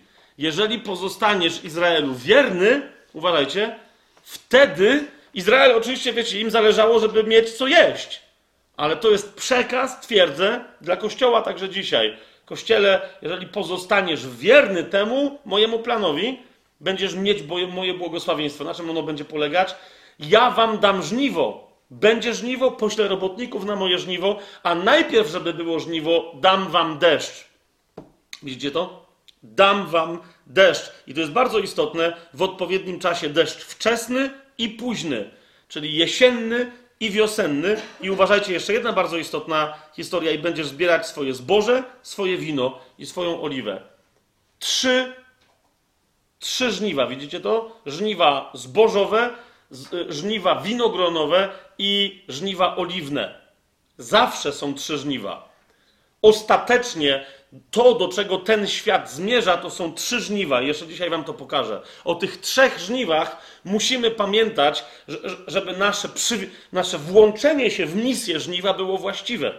Ale już tutaj Bóg powiedział wyraźnie: potrzebujecie pełni deszczu, deszczu wiosennego i jesiennego, żeby było żniwo, a to żniwo ma trzy trzy aspekty. Zbieracie, będzie zbierane mm, zboże, będą zbierane winne grona i będą zbierane oliwki. Mamy jasność w tej kwestii? Ok, teraz e, coś wam pokażę. E, zobaczcie w księdze Zachariasza chociażby. To jest tak istotna kwestia, że nawet w królestwie, kiedy przyjdzie, w tysiącletnim królestwie, bo potem w wiecznym to już tego nie wiem, ale w tysiącletnim z całą pewnością Księga Zachariasza yy, mówi na przykład, że, że tak będzie w tysiącletnim królestwie. Kto, yy, kiedy Pan Jezus będzie na ziemi, jak wróci. Tak, cała, cały czternasty rozdział mówi o jego powrocie na ziemię. Nie pamiętam, zobaczcie, czternasty, yy, czternasty rozdział, szesnasty werset i dalej. Wszyscy pozostali spośród wszystkich narodów, które wyruszyły przeciwko Jerozolimie. Nie będziemy teraz tego rozważać, może dzisiaj troszkę tego tematu dotkniemy, tak? Że wyruszą. Pamiętacie, ja mówiłem chyba w zeszłym sezonie o, o utrapieniu, które przyjdzie, ucisku, który przyjdzie na Jakuba. E, że wystąpi cały świat po prostu przeciwko, przeciwko Izraelowi i przeciwko Jerozolimie. Ale potem Pan Jezus wróci i wyjaśni sprawę i, i nastanie królestwo. I teraz wszyscy pozostali spośród wszystkich narodów, które wyruszyły przeciwko Jerozolimie, będą przychodzić od roku do roku, by oddawać pokłon królowi, Jachwę zastępów i obchodzić święto namiotów. To jest pierwsze. Widzimy, że Pan Jezus nie znosi święta namiotów, co, nawet, i co więcej, że, że będzie kazał zachowywać to święto jako święto pielgrzymkowe. Wszyscy z całej ziemi będą musieli tak przybyć z wszystkich narodów na święto namiotów. Teraz uwaga dalej. I jeśli ktoś spośród rodów ziemi nie pójdzie do Jerozolimy, by oddawać pokłon królowi, Jachwę zastępów, na tego nie będzie padać deszcz. Widzicie to? Ta zasada, która tyczyła się Izraela teraz jako znającego Jachwę, teraz, ponieważ cała ziemia będzie znać króla królów i pana panów zasiadającego na tronie w Jerozolimie, to cała ziemia, jeżeli ktoś, jakikolwiek ród ziemi okaże się niewierny, nie będzie mieć deszczu. Okay? To jest głupotą, bo jakby widać, że deszcz łatwo pozyskać. I teraz zwróćcie uwagę, jedna bardzo istotna kwestia, bo jest, to, o tym powiedziałem, że Nil będzie istniał dalej. Skąd to wiemy? Z 18 wersetu 14 rozdziału Księgi Zachariasza. Jest powiedziane, że wszyscy będą potrzebować deszczu na całej ziemi. Z wyjątkiem Egiptu.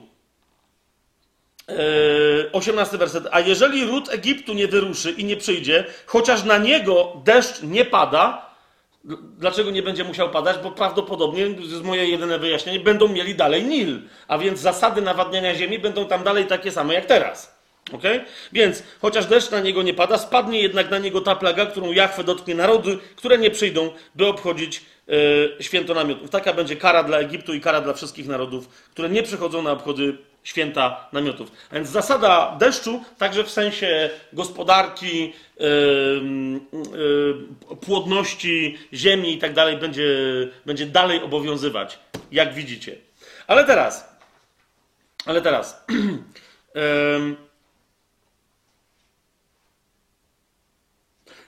Kolejna bardzo istotna rzecz, bo powiedziałem o tym, o tym gwarancie żniw, że, że, że te deszcze, deszcz wczesny i późny to jest gwarant żniwa. Otwórzmy sobie księgę Jeremiasza, yy, bo tam to najwyraźniej widać, yy, o co, o co chodzi, yy, jak istotne są te deszcze. Zobaczcie księgę Jeremiasza, że Bóg naprawdę się posługiwał tymi deszczami w Izraelu, żeby, żeby pokazać, żeby go poinformować o jego niewierności.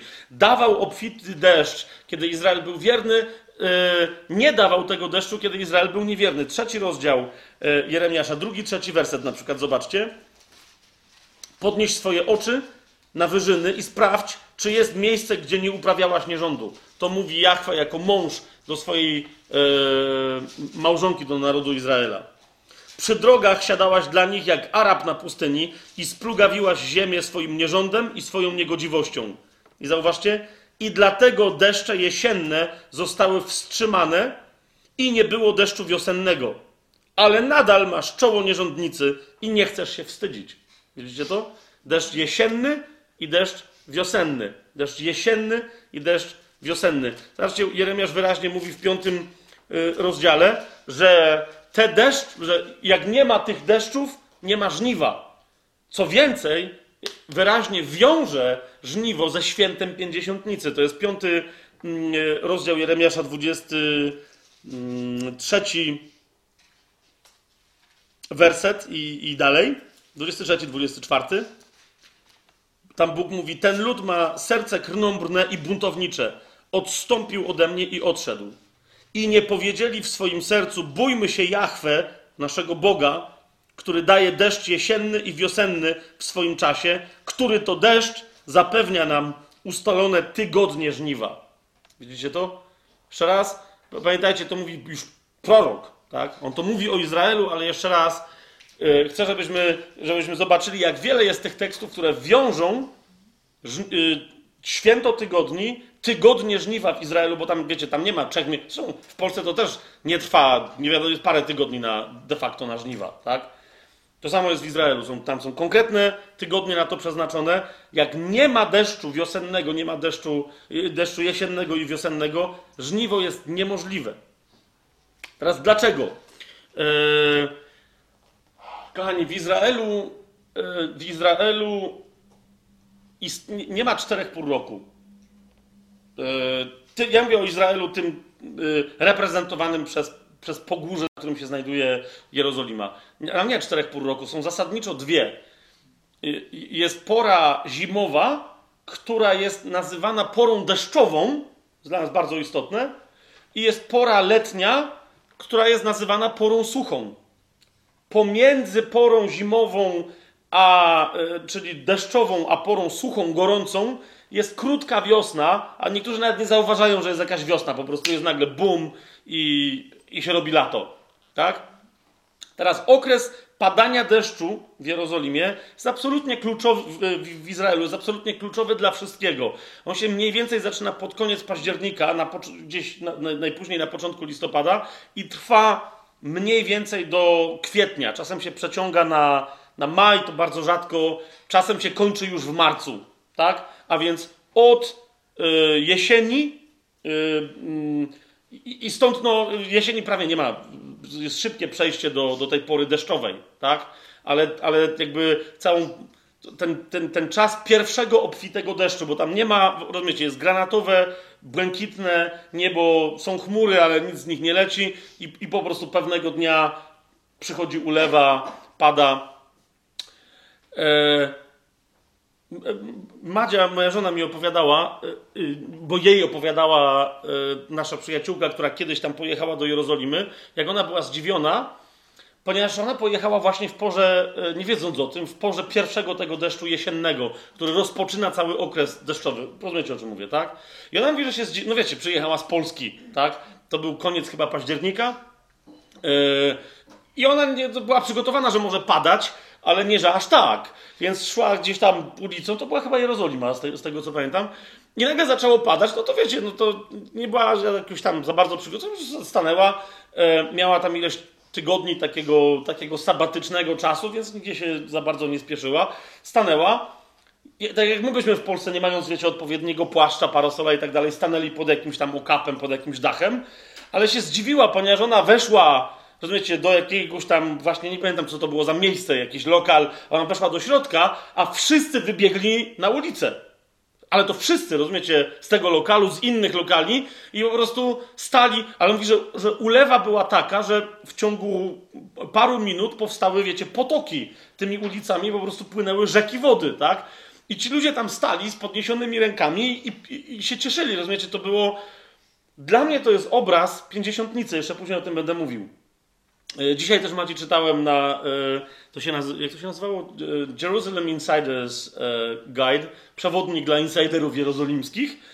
I tam człowiek, który tam mieszkał, on tam pisze, mówi, że pierwszy raz jak był, właśnie jak zamieszkał w Jerozolimie i jego pierwsza zima, jak się rozpoczęli, pora deszczowa jak się zaczęła, mówi, że usłyszał jakąś taką wrzawę na polu, że, że stwierdził, coś się stało. On mieszkał naprzeciwko naprzeciwko przedszkola. Więc wiecie, to jest Jerozolima, to ma jakieś takie dziwne miejsce, gdzie byli Żydzi i Palestyńczycy. No rozumiecie, się mogło dziwy. I mówi, że po prostu była taka wrzawa, więc przestraszony pobiegł do okna i co zobaczył? Pod swoim oknem, on nie mieszkał wysoko, pod swoim oknem sąsiada 45-letniego, który mówi, że podskakiwał jak dziecko, ale takie oszalałe, wiecie, że Aaa! pierwszy deszcz i krzyczał błogosławieństwo. Znaczy, łapał te, te, te, ten deszcz i krzyczał, że błogosławieństwo. I mówi z drugiej strony, bo tu miał porównanie, wybiegły dzieci z tego przedszkola na, e, na boisko i one robiły to samo, tak? Że im mówi, że on, to, to trwało ze 20 minut i mówi, wszyscy byli mokrzutcy do, do, do ostatniej niteczki, byli po prostu stali z tymi dziećmi, bo on mówi, że no, no z tymi dziećmi wybiegły też opiekunki, tam jacyś nauczyciele, nie wiem kto to tam był i wszyscy robili to samo. I on też był taki, co tu się w ogóle dzieje. Rozumiecie? To jest reakcja na, na, na pierwszy deszcz, prawie powszechna e, w Izraelu. Przychodzi pierwszy, to, to jest to, to jest deszcz, to jest deszcz jesienny.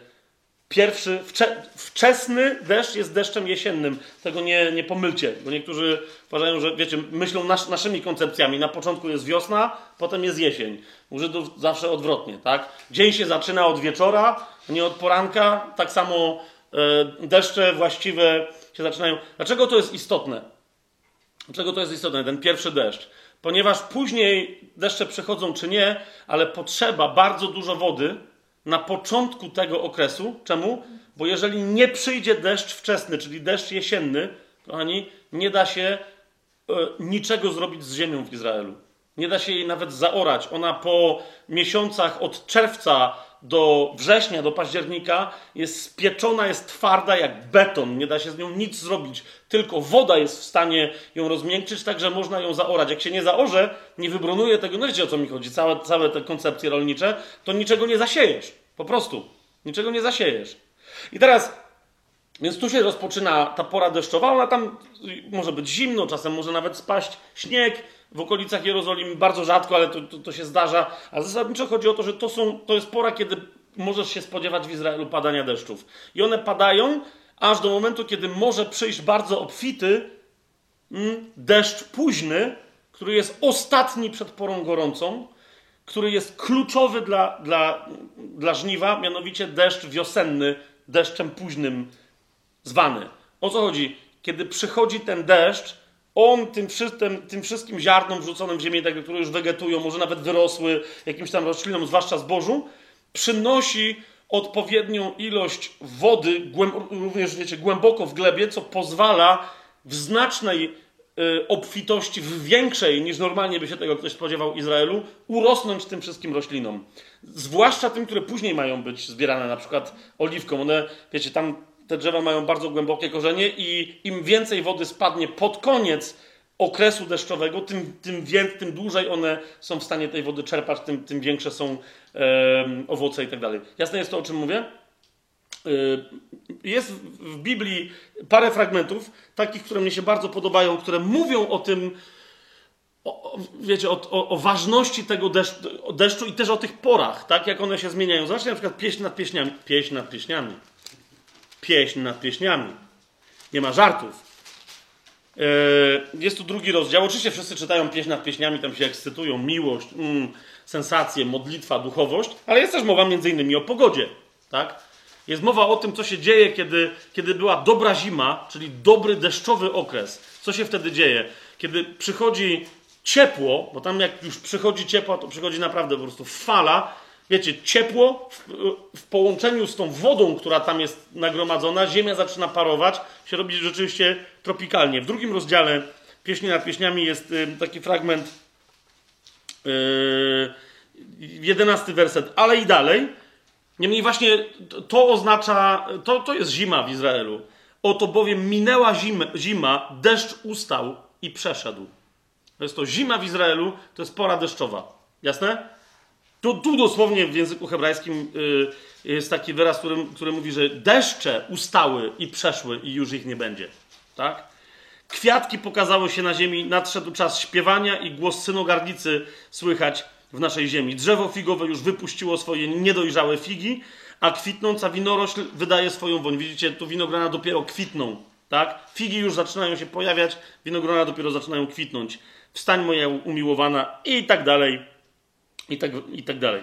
E, zima to jest okres deszczów i ten okres jest niezwykle istotny. To o tym Jeremiasz mówi, jak wtedy nie będą padać deszcze, to nawet jak przyszedł pierwszy deszcz, zaoraliście i zasialiście, to to, co wyrośnie, będzie skarłowaciałe, jak nie będzie późnego deszczu. To jest, to jest jasne, o czym mówimy.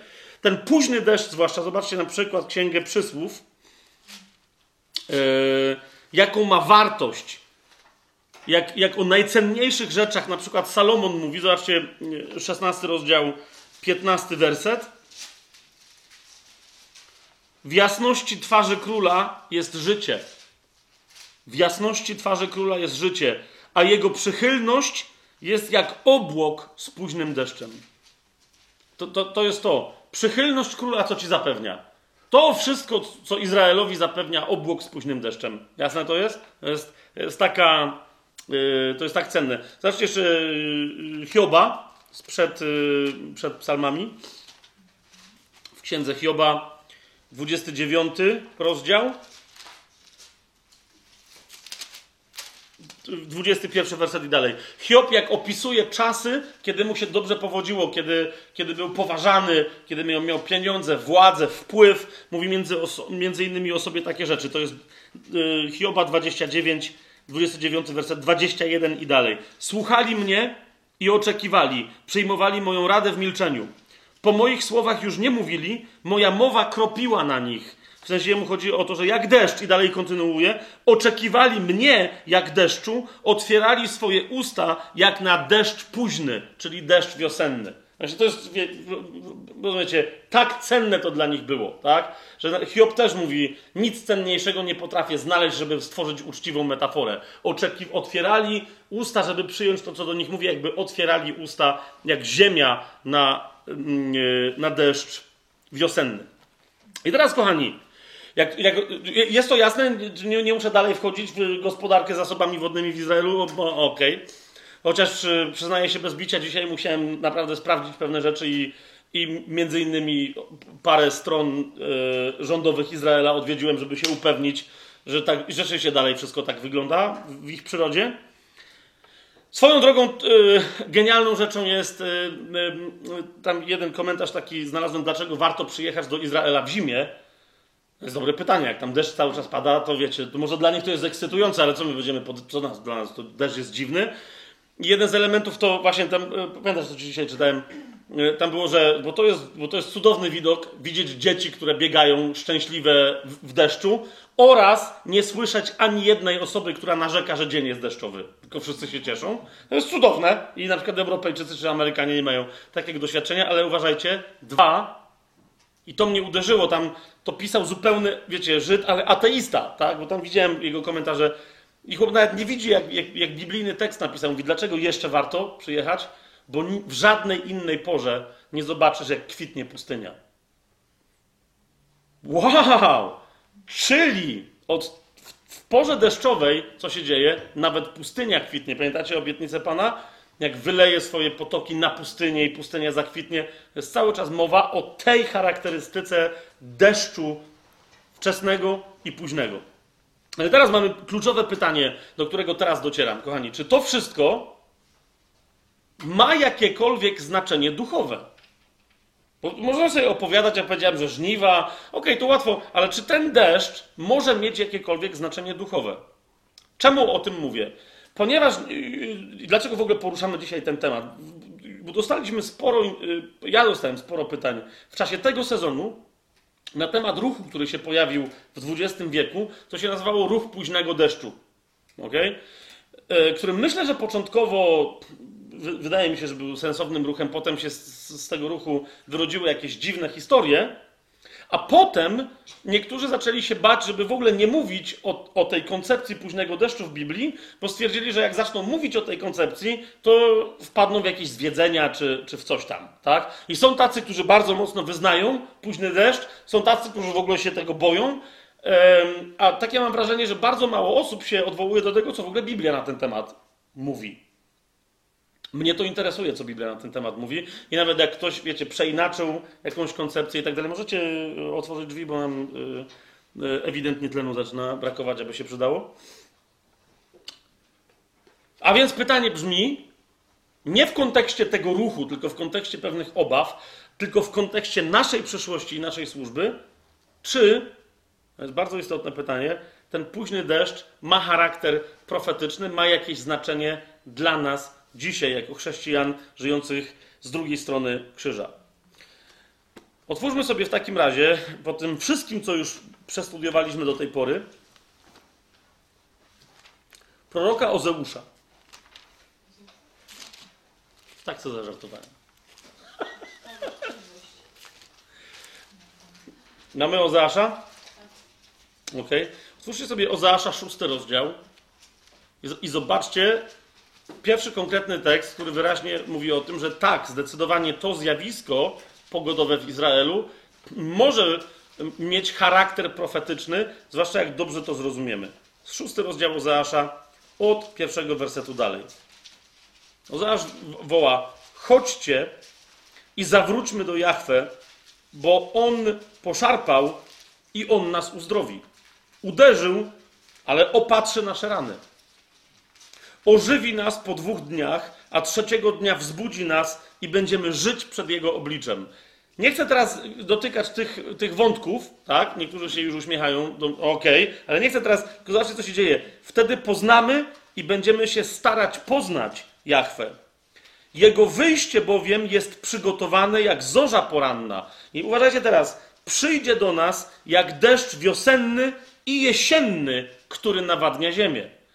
Jest wyraźnie powiedziane, że przyjście Boże, przyjście Jahwe jest przygotowane, on przyjdzie do nas jak deszcz wiosenny i jesienny, który nawadnia ziemię. Widzicie to? Ok, to teraz otwórzmy sobie kluczowy tekst, jak dla mnie, mianowicie tekst księgi Joela. Ten tekst, pamiętacie, w Dzień Pięćdziesiątnicy Piotr cytuje Joela. Tak? Mówi, że, że w dniach ostatnich wyleje mojego ducha na wszelkie ciało i tak dalej. E, Piotr cytuje księgę Joela, drugi rozdział, od 28 wersetu. Widzicie to? Nie, już nie będziemy przeskakiwać do, na razie do dziejów apostolskich, ale Piotr cytuje od momentu wyleje swojego ducha na wszelkie ciało i będą prorokować wasi synowie i wasze córki. Pamiętacie to? Tak? Okej. Ale pamiętacie od czego Piotr zaczyna? On mówi to, bo pamiętacie, tam się wszyscy śmieją z nich, że, że opili się młodym winem i się wygłupiają, tak? I Piotr wychodzi i mówi, nie, oni nie są pijani. ale mówi: To, co się teraz dzieje na waszych oczach, to jest co, to, co zapowiedział prorok Joel. Tak? I on potem cytuje ten fragment, ale chcę wam pokazać, jaki jest szerszy kontekst, o którym Piotr wie, że tamci powinni wiedzieć, bo są pobożnymi Żydami w ramach święta Szawuot obecnymi w Jerozolimie. Otóż zobaczcie sobie drugi rozdział od 23 wersetu, bo to jest szerszy kontekst tej, tej zapowiedzi wylania ducha. I wy, synowie Syjonu, zwróćcie uwagę, nie Synaju, ale Syjonu. I wy, synowie Syjonu, cieszcie się i radujcie w Jachwę, waszym Bogu. Da wam bowiem deszcz wczesny i ześlę wam deszcz jesienny i wiosenny, jak dawniej. Wow! Mamy bardzo dziwną, bardzo dziwną meteorologicznie nawet. I sprawdziłem to u paru ludzi, którzy mówią, że rzeczywiście u paru rabinów, zaraz jeszcze się do tego odwołam, do, do, do tego co żyć. Oni mówią zaraz, to jest powiedziane, że Jachwę da wam deszcz wczesny, a potem ześlę deszcz jesienny i wiosenny naraz. To tłumaczenie jak dawniej jest takie. I, i, to jest, I teraz w ramach tej obietnicy, co się ma stać? Ma być takie żniwo i spichlerze będą napełnione, uważajcie, zbożem, a tłocznie będą opływać moszczem i oliwą. Zboże, winogrona i oliwa. Widzicie to? Po raz, po raz kolejny jest powiedziane, będzie deszcz. Będzie najpierw deszcz wiosenny, potem przeobfity y, deszcz jesienny, potem przeobfity wiosenny i potem będzie dokładnie potrójne żniwo. Okay? I, i, I teraz Pan mówi, że w ten sposób wam wynagrodzę te wszystkie lata, kiedy biedowaliście i tak dalej, i tak dalej, ale, ale wraca do tego wątku i mówi, jak, co się później po tym wylaniu tych deszczów stanie. Joel mówi, i stanie się potem, po tych deszczach i po tym żniwie, i stanie się potem, że wyleje swojego ducha na wszelkie ciało i będą prorokować i tak dalej. Taka jest koncepcja Joela. Okej? Okay? Jeszcze raz popatrzcie na 28 werset. I stanie się potem, widzicie to? Otwórzcie razem ze mną, ale tu mieliście cały czas założone, bo tutaj yy, palcem, bo tu wrócimy. Otwórzmy sobie dzieje apostolskie. Kolejny raz musimy sprawdzić, co Duch Święty zrobił przez Piotra, który był ewidentnie natchniony, bo on sam z siebie nie był aż taki, takim, wiecie, badaczem pisma, żeby, żeby aż taką woltę tu odstawić, która ma głębokie znaczenie. Zobaczcie, 22 rozdział, 17 werset. Co nagle w ramach tego cytatu, co nagle w ramach tego cytatu mówi y, Piotr, że powiedział Joel? 17. I stanie się w ostatecznych dniach. Pamiętacie to? Jeszcze raz, jak, jak zobaczcie tutaj, co jest napisane. I stanie się kiedy? Potem. Jeszcze raz, no, zobaczcie na to. Joel i tu. To jest niewłaściwy cytat. Albo może niewłaściwy cytat, ale właściwa interpretacja. Tym, którzy się rozglądają nerwowo, tam pies pije wodę, nie, nie Piotrek, także spokojnie. Wiecie o co mi chodzi? To, co, co Joel proroczo widział jako pewną dynamikę, która być może na początku będzie miała charakter materialny, a potem duchowy, Piotr mówi, że całe to zjawisko, okay, przyjścia Ducha Świętego będzie się działo w ostatecznych dniach. Okay? Całe to zjawisko, które u Joela jest od 23 wersetu opisywane. Jeszcze raz zobaczcie. Stanie się w ostatecznych dniach, mówi Bóg, że wyleje z mojego ducha na wszelkie ciało. A więc, a więc, wyraźnie Pio przez Piotra Duch Święty sugeruje co? Że to, co się dzieje w, w całym tym od 23 wersetu aż do 32, bo zauważcie, że Piotr nie cytuje do końca tego rozdziału. Tak? E, o Septuaginta w ogóle nas nie interesuje. Nas interesuje tylko i wyłącznie oryginalny tekst. Więc zobaczcie, e, że również nie do końca Piotr cytuje e, ten, ten drugi rozdział. Okay? Nie, nie będę teraz to za bardzo się zagłębiał, ale widać, że, że ten cytat w dniach ostatecznych odnosi się do dynamiki, która tu jest przedstawiona u Joela. Tak? A więc, że też ta historia o, o tym, że będzie deszcz wiosenny, jesienny, czyli wczesny, że będzie deszcz późny, czyli wiosenny i tego, że ta dynamika to jest dynamika wszystkich dni ostatecznych. Tak? Nie tylko tego, że na samym końcu Bóg wyleje ducha na wszelkie swoje ciało, ale że to się od czegoś zacznie, tak? Że, po, że przyjdzie jeden deszcz w ramach w ramach tego deszczu przyjdzie drugi, będzie żniwo. I zauważcie, że to, co się zaczęło od wylania ducha na poszczególnych ludzi, na ludzi w kościele, ostatecznie skończy się, bo zwróćcie uwagę, co, o, czym mówi e, Joel, skończy się w tej dynamice na końcu czasów wylaniem ducha, czy ktoś chce, czy nie chce, na absolutnie wszystkich. Jeszcze, bo to jest coś, czego ludzie często nie łapią, mówią, że zaraz Duch Święty zstąpił na, na sto parę dziesiąt osób, potem na trzy tysiące, potem na parę, a wyraźnie w proroctwie jest powiedziane, wyleje swojego ducha na wszelkie ciało, to znaczy na każde ciało, na każdego mężczyznę, na każdą kobietę, na młodych i na starych. To dlaczego Piotr mówi, właśnie dlatego Piotr mówi, tak będzie w dniach ostatnich, które się teraz właśnie rozpoczynają. Ale jeżeli tak jest, a tak widać, że jest, to oznacza, że, że Piotr sugeruje, że to jest ta dynamika, to co teraz widzicie, to jest deszcz pierwszy, który rozpoczyna mokrą porę, ok? Ale każde pokolenie, bym powiedział, bo pamiętacie, kończy tym, że, że ten dar jest dla was i dla waszych dzieci i dla następnych pokoleń. Wygląda na to, jakby każde pokolenie miało prawo spodziewać się późnego deszczu, ok? Czyli deszczu wiosennego i ostatecznie jakby na końcu czasów, to jest bardzo istotne, tuż przed przyjściem Pana Jezusa miało dojść do czegoś takiego jak w ramach pięćdziesiątnicy, ale na całym świecie. Wyobrażacie sobie coś takiego? Wyobrażacie, wyobrażacie sobie coś takiego, czyli że pięćdziesiątnica dzieje się wszędzie?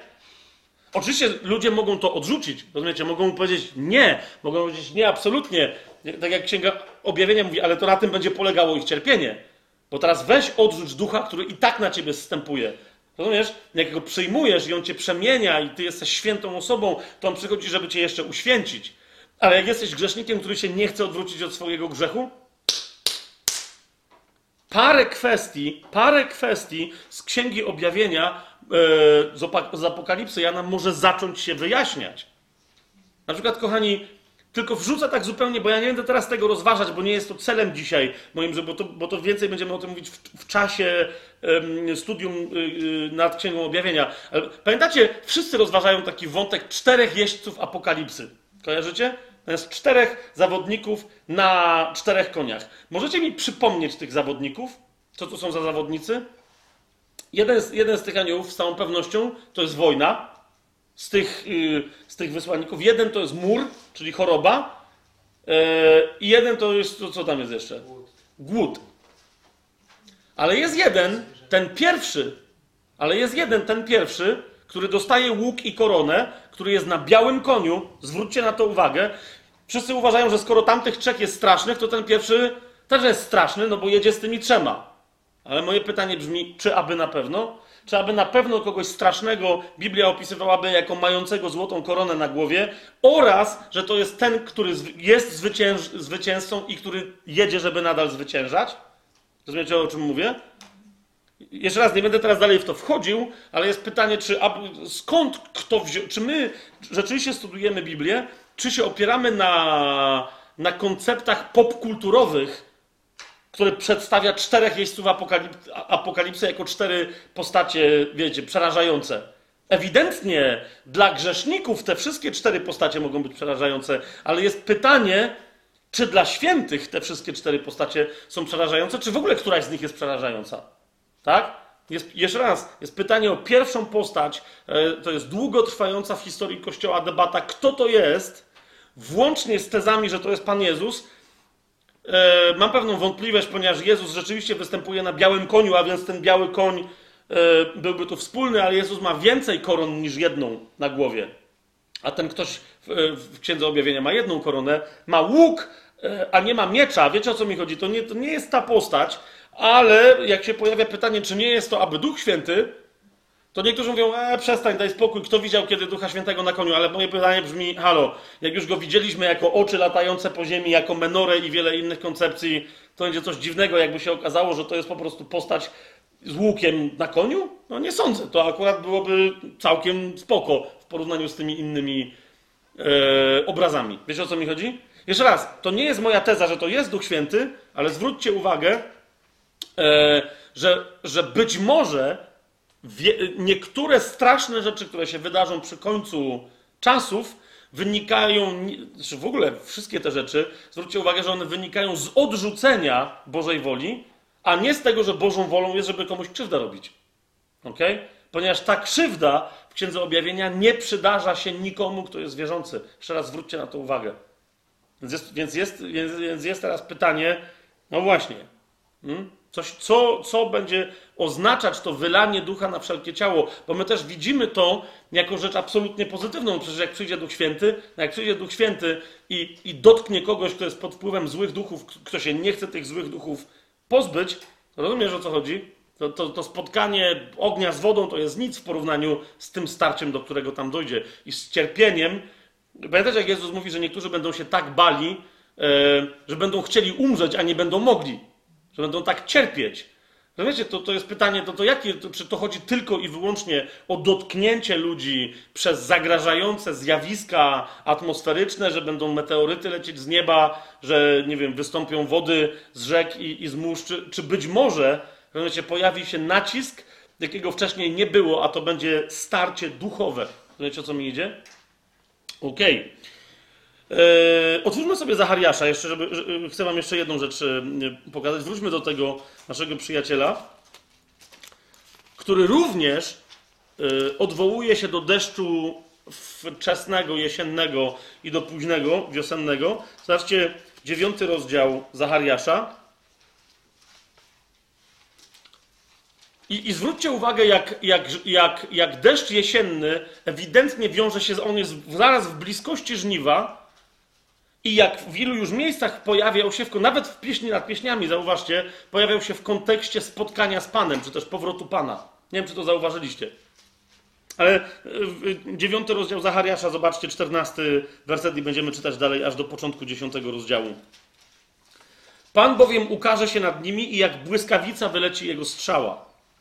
To tak a propos tej postaci jadącej na koniu z łukiem. Tak? Tu jest wyraźnie powiedziane, że to będzie Jahwe. Jahwe bowiem ukaże się nad nimi i jak błyskawica wyleci jego strzała. Pan Jahwe zadmie w trąbę i wyruszy w wichrach południa. Jahwe zastępów będzie ochraniać swój lud, pochłoną i przemogą kamienie z procy, będą pić i krzyczeć jak od wina i napełnią się jak czasza i jak rogi ołtarza. W tym dniu Jahwe, ich Bóg, wybawi ich jak trzodę swojego ludu. Będą bowiem jak kamienie w koronie, wystawieni jak sztandar w jego ziemi. To mówimy tu o absolutnie końcu tego wieku, końcu tego świata. Jak wielkie bowiem jest jego błogosławieństwo, jak wspaniałe jego piękno. Zboże pocieszy młodzieńców, a moszcz panny Zwróćcie uwagę, jest mowa o ostatnim dniu, jest mowa o żniwie, bo, bo, bo to jest to zboże i ten moszcz, które pocieszają. I zobaczcie, jaki jest następny werset. Nie sugerujcie się tym, że to jest początek nowego rozdziału, tak? Dlatego, że rozdziały, e, ten podział, on nie, nie do końca zawsze zachowuje jakąś logikę. Otóż ten tekst o tym, że Pan powróci, kończy się wezwaniem, proście Jahwe o deszcz w późnej porze deszczowej, a Jahwe stworzy chmury burzowe i da wam obfity deszcz i każdemu trawę na polu. I tu dopiero według mnie powinien się, jeżeli by robić właściwy, sensowny podział, on, jak mówię, nie zawsze po prostu to był podział nie ze względu na logikę tekstu, ale jakbyśmy mieli tak tutaj zrobić, to rozdział 10 powinien się zaczynać dopiero od drugiego e, wersetu, a może nawet i dalej, a może nawet i dalej. Ale jeszcze raz zobaczcie, Zachariasz e, woła i absolutnie nie ma żadnej wątpliwości, proście Jachwę o deszcz w późnej porze deszczowej. Po, w kontekście ostatniego czasu, ostatniego żniwa. Teraz, e, żeby było jeszcze weselej, e, ktoś mnie tam kiedyś o tym rozmawialiśmy e, i pamiętam, ktoś mnie zapytał, no dobra, ale to w ogóle jest taka idea na przykład w Nowym Testamencie jest i według mnie znacznie bardziej obecna niż niektórzy by chcieli ją widzieć. Twórzcie sobie list Jakuba, piąty rozdział.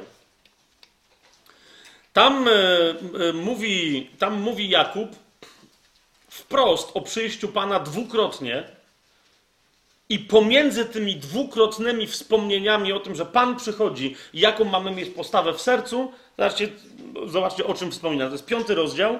Najpierw zobaczmy siódmy yy, i ósmy werset. Znaczy, to jest rada e, to jest rada e, Jakuba dla, dla całego kościoła, dla wszystkich wierzących, dla ciebie i dla mnie. On mówi tak: Bądźcie więc cierpliwi, bracia, aż do przyjścia Pana. Widzicie, to jest kontekst. Przyjście Pana. To jest moment, kiedy wszystko się zmieni. Zobaczcie na to. Oto rolnik cierpliwie czeka na cenny plon ziemi, dopóki nie spadnie deszcz wczesny i późny. Je- Jeszcze raz, on tu nie mówi, że mamy czekać na jakieś deszcze i nie wiadomo co, ale wyraźnie odwołuje się do tej koncepcji, że nasza cierpliwość musi być cierpliwością rolnika poddającego się deszczowi, który oczekuje, że to deszcz wczesny i późny zrobi coś na ziemi. Widzicie to? Bądźcie więc cierpliwi, bracia, aż do przyjścia Pana. Oto rolnik cierpliwie czeka na cenny plon ziemi, dopóki nie spadnie deszcz wczesny i późny. Bądźcie i wy cierpliwi i umacniajcie swoje serca, bo przyjście Pana jest bliskie. Wyraźnie mówi, odnieście się do tamtej koncepcji. Pamiętajcie, że to jest Żyd, okay, który, który, który pisze z punktu widzenia umysłu żydowskiego. Okay? E, swoją drogą, ym, według mnie ten, ten kontekst będzie jeszcze wyraźniejszy, jeszcze łatwiejszy do zrozumienia, jak przeczytacie piąty rozdział od początku.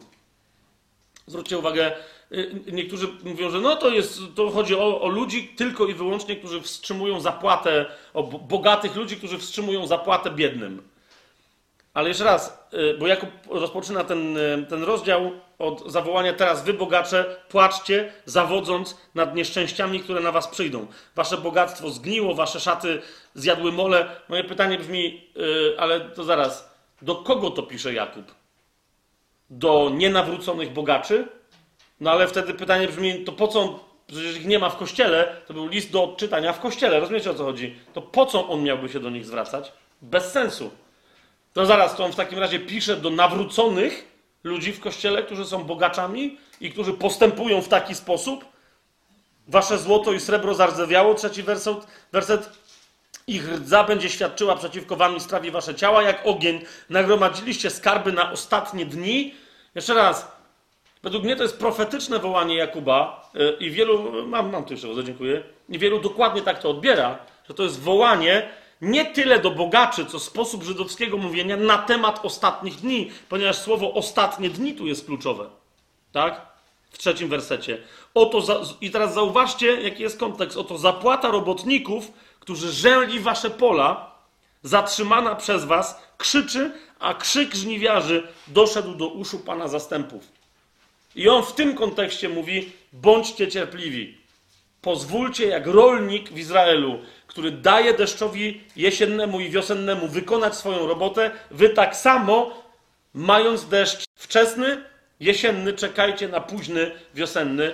Jak on przyjdzie wraz, z, po prostu wy, wytrwajcie w tym, co ma wykonać ten deszcz, a żniwo przyjdzie wraz z Panem.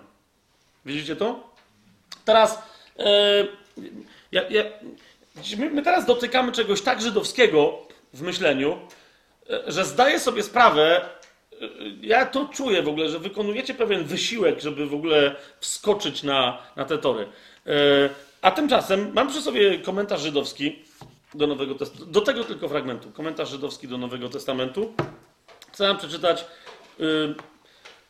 mimo, zauważcie jak ja, jak ja tu demonstruję, pokazuję słowo i tak dalej. Dla umysłu żydowskiego to jest tak proste, jak wam teraz przeczytam. To jest komentarz e, e, Dawida Sterna e, do tego fragmentu w, u Jakuba. Po pierwsze, jego, ym, to w jaki sposób on cytuje ten fragment jest bardzo interesujący. interesujący. Pozwólcie, że wam przeczytam, jak dla umysłu żydowskiego brzmi fragment ten u Jakuba, który wam przeczytałem. Posłuchajcie. Zapłata, której oszukańczo nie wypłaciliście robotnikom, którzy kosili wasze pola, woła przeciwko wam, a krzyk żniwiarzy dotarł do uszu Adonai Cwaot. Wiedliście tu na ziemi żywot w luksusie i folgując sobie, w czasie rzezi nie przestawaliście jeść, ile dusza zapragnie, potępiliście, zamordowaliście niewinnych, nie przeciwstawili się wam. A zatem, bracia, bądźcie cierpliwi, aż Pan powróci. Patrzcie, jak rolnik czeka na drogocenny owoc ziemi. Okazuje cierpliwość względem niego, aż otrzyma on opady jesienne i wiosenne. Wy także bądźcie cierpliwi, nie traćcie odwagi, bo powrót Pana jest bliski. I teraz po takim tłumaczeniu, że to tak widzi Żyd ten, ten fragment u Jakuba, jego komentarz jest następujący. Opady jesienne i wiosenne, zwane w Biblii hebrajskiej odpowiednio Jore i Malkosz, ten późny deszcz nazywa się Malkosz.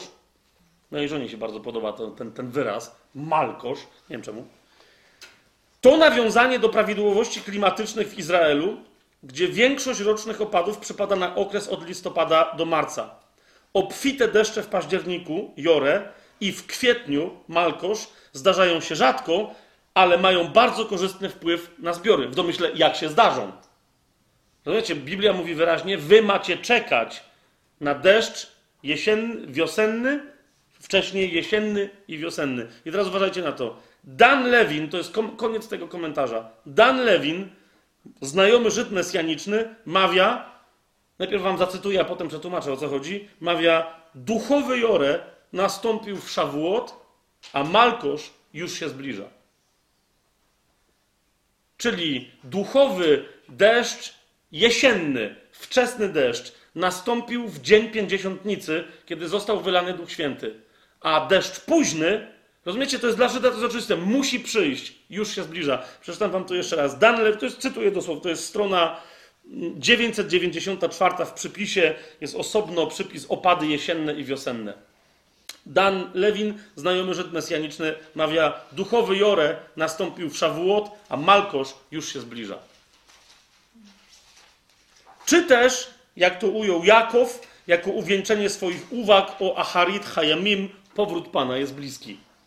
Aharit Hayamim to są czasy ostatnie e, po hebrajsku. Mówi, to, zauważcie, dla niego to jest też jasne, że to jest rozważanie o czasach ostatnich, włącznie z tą zapłatą powstrzymaną dla żniwiarzy, a nie jakieś rady dla, dla Kościoła. Rozumiecie, o co mi chodzi? Mówi, to jest rozważanie Jakowa, czyli Jakuba w tym liście na ten konkretny temat. Jeszcze raz to przeczytam. Duchowy Jore nastąpił w Szawuot, a Malkosz już się zbliża. Takie jest rozumienie większości, w zasadzie wszystkich Żydów, których ja znam, mesjanicznych, którzy z tą koncepcją profetyczną yy, się spotykają. Takie jest ich rozumienie, że po pierwsze, i teraz jeszcze raz, kochani, dlaczego, yy, dlaczego ten temat poruszam? Bo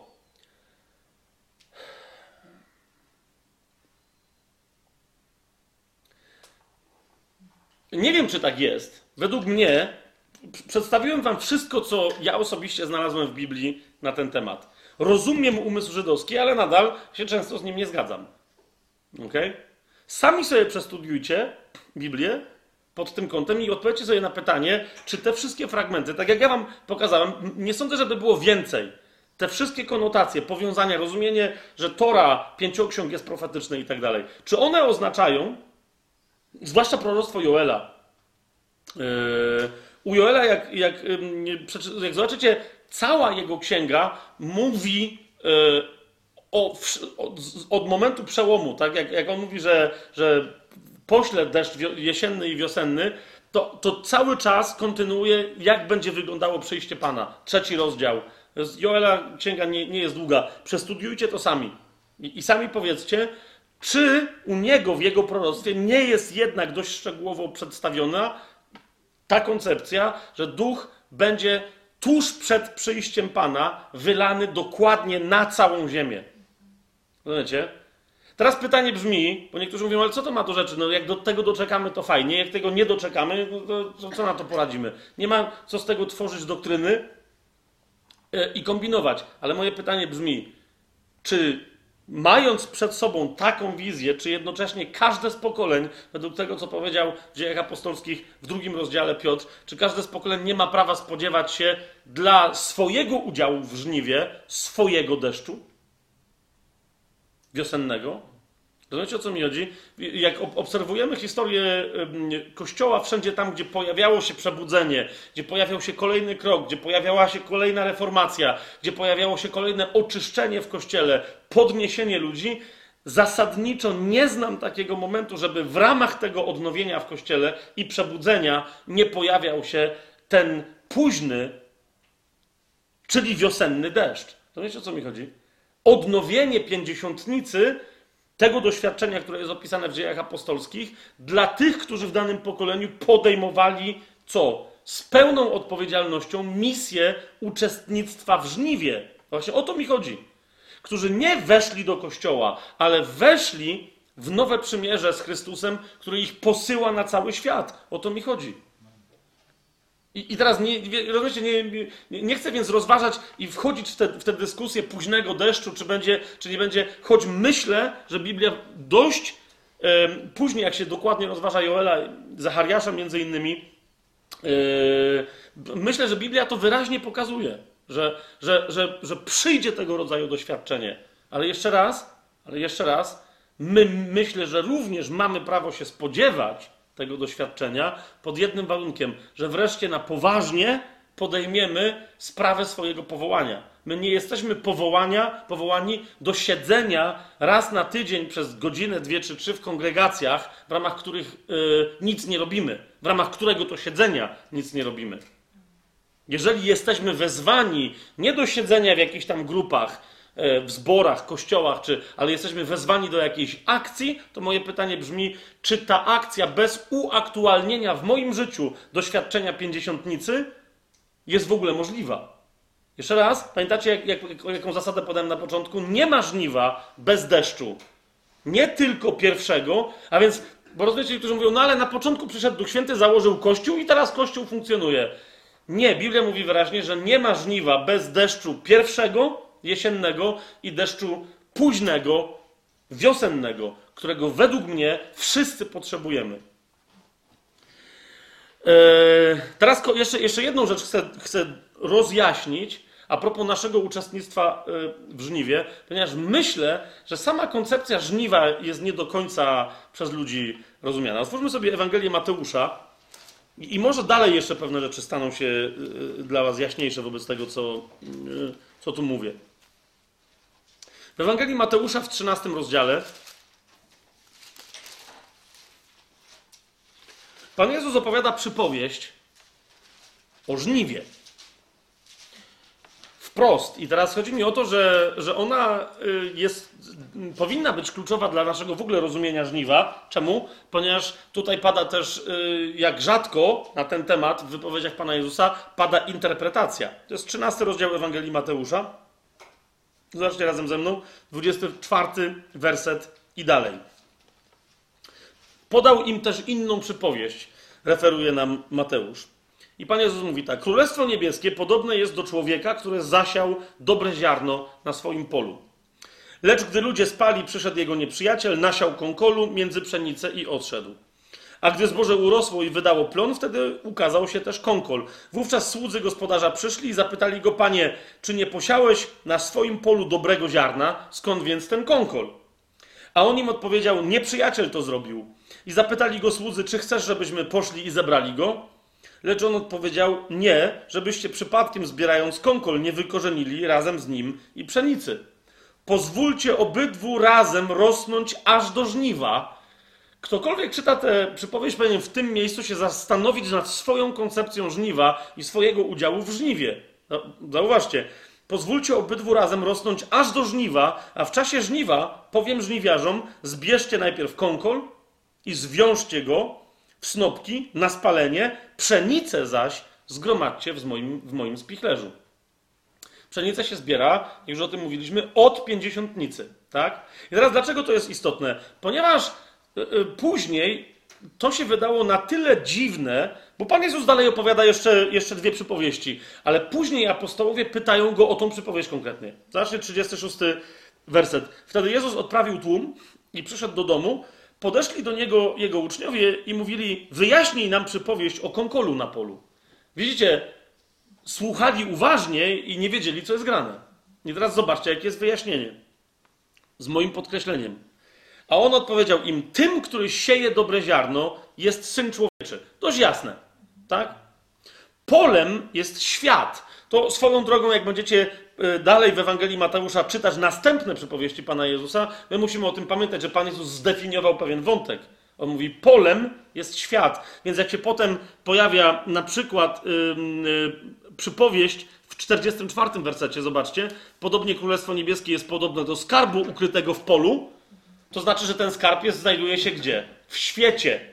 Okay? W świecie, ponieważ Jezus dalej pozostaje w tych kryteriach, które sam sobie w ramach tego samego, tej samej przestrzeni znaczeniowej. Teraz, ale wracamy. Więc, więc 38 werset. Pan Jezus mówi: Polem jest świat, dobrym ziarnem są synowie królestwa, konkolem zaś są synowie złego. I teraz uważajcie, nieprzyjacielem, którego posiał, jest diabeł, ale tu mamy kluczowe zdanie. Żniwem jest koniec świata. Żniwem jest koniec świata, a żniwiarzami są aniołowie. Teraz yy, chodzi mi o to, że to nadal, żebyśmy się nie rozpędzali, to nie przeczy naszemu uczestnictwu, wiecie, my jesteśmy też żniwiarzami, ale jest pytanie zaraz powoli, tak? Żniwo w oryginalnym rozumieniu, w całym, yy, w całym punkcie wyjścia, jaki Jezus ma, okay? żniwo jest związane z końcem świata, a nie z tym, co my tu teraz robimy. Przede wszystkim, jeszcze raz powtarzam, my jesteśmy żniwiarzami w drugiej kolejności. W pierwszej kolejności, jeszcze raz zobaczcie, Jezus mówi, żniwem jest koniec świata, a żniwiarzami są aniołowie. I potem mówi, jak się zbiera konkol i spala w ogniu, tak będzie przy końcu tego świata.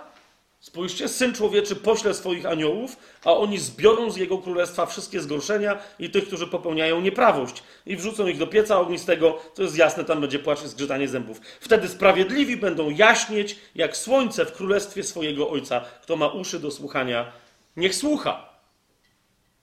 Teraz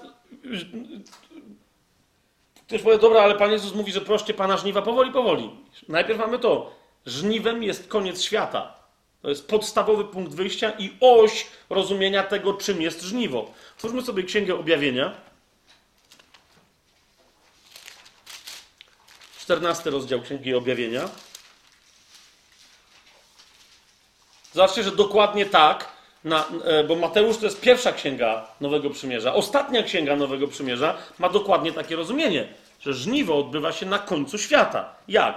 To jest 14 rozdział, 14 werset i dalej. I zobaczyłem, a oto biały obłok. Kolejna bardzo istotna kwestia, ten, ten, ten biały obłok. I zobaczyłem, a oto biały obłok, a na obłoku siedział ktoś podobny do syna człowieczego, który miał na głowie złotą koronę, a w ręku ostry sierp. A inny anioł wyszedł ze świątyni, wołając donośnym głosem do tego, który siedział na obłoku: Zapuść swój sierp i żnij, gdyż nadeszła dla ciebie pora, abyś żął, bo dojrzało żniwo ziemi. Widzicie? Tu się, tu się rozpoczyna żniwo. Kto go dokonuje? Ten, który przychodzi na obłoku, w koronie, z sierpem w ręce. Wtedy rzucił ten, który siedział na obłoku, swój sierp na ziemię i ziemia została zrzęta. W tym dokładnie momencie ziemia została zrzęta. I inny anioł wyszedł ze świątyni, która jest w niebie, mając także ostry sierp. Co to jest za żniwo tutaj? Bo tu jest istotne, e, e, tu mamy powiedziane, e, dojrzało żniwo ziemi, 15 werset. Tu dosłownie jest powiedziane, ono nie dojrzało, tylko że, że wyschło żniwo ziemi. To jest ostatni moment, żeby zbierać e, zboże. Bo ono potem może być stracone. To jest ostatni moment. Ono już jest w takim momencie, że teraz Teraz żniwo. Teraz albo później je stracisz. Więc on, to pierwsze żniwo to jest żniwo zbożowe. Drugie żniwo, zobaczcie, 18 werset. Potem od ołtarza wyszedł inny anioł, który miał władzę nad ogniem i zawołał donośnym głosem do tego, który miał ostry sierp: Zapuść swój ostry sierp i zbierz co? Grona winorośli ziemi, bo dojrzały jej winne grona. To jest drugie żniwo. Jak, żniwo czego? Moszczu winnego, czyli winogron. Hmm? I rzucił anioł swój ostry sierp na ziemię i zebrał grona winorośli ziemi i wrzucił je do wielkiej tłoczni gniewu Boga. Kto nie będzie zrzęty z tej ziemi jako pszenica, będzie zrzęty jako winogron, a winogron się tłoczy. Gdzie? W tłoczni gniewu Bożego. I udeptano tłocznie poza miastem, a z tłoczni wypłynęła krew, aż po wędzidła koni na 1600 stadiów. Pierwsza kwestia jak przychodzi ewidentnie Pan Jezus i rzuca ten swój sierp i zżyna pszenicę, w jakim sensie to żniwo będzie, w jakim sensie to żniwo się odbędzie raz? Zobaczcie, jeżeli ludzie oddają swoje życie przez pokolenia, tak? Ileś było tych pokoleń i teraz jak, to nie w każdym pokoleniu się odbywa żniwo, w każdym pokoleniu odbywa się nasze dojrzewanie do żniwa. Zwróćcie uwagę, to jest to, o czym ja wielokrotnie mówiłem jak rozważamy różne tematy biblijne. W liście do Rzymian na przykład Paweł z jednej strony mówi, że jesteśmy zbawieni, kto w sercu uwierzy, a ustami wyzna, z drugiej strony w ósmym rozdziale mówi, w nadziei dopiero jesteśmy zbawieni. Tak?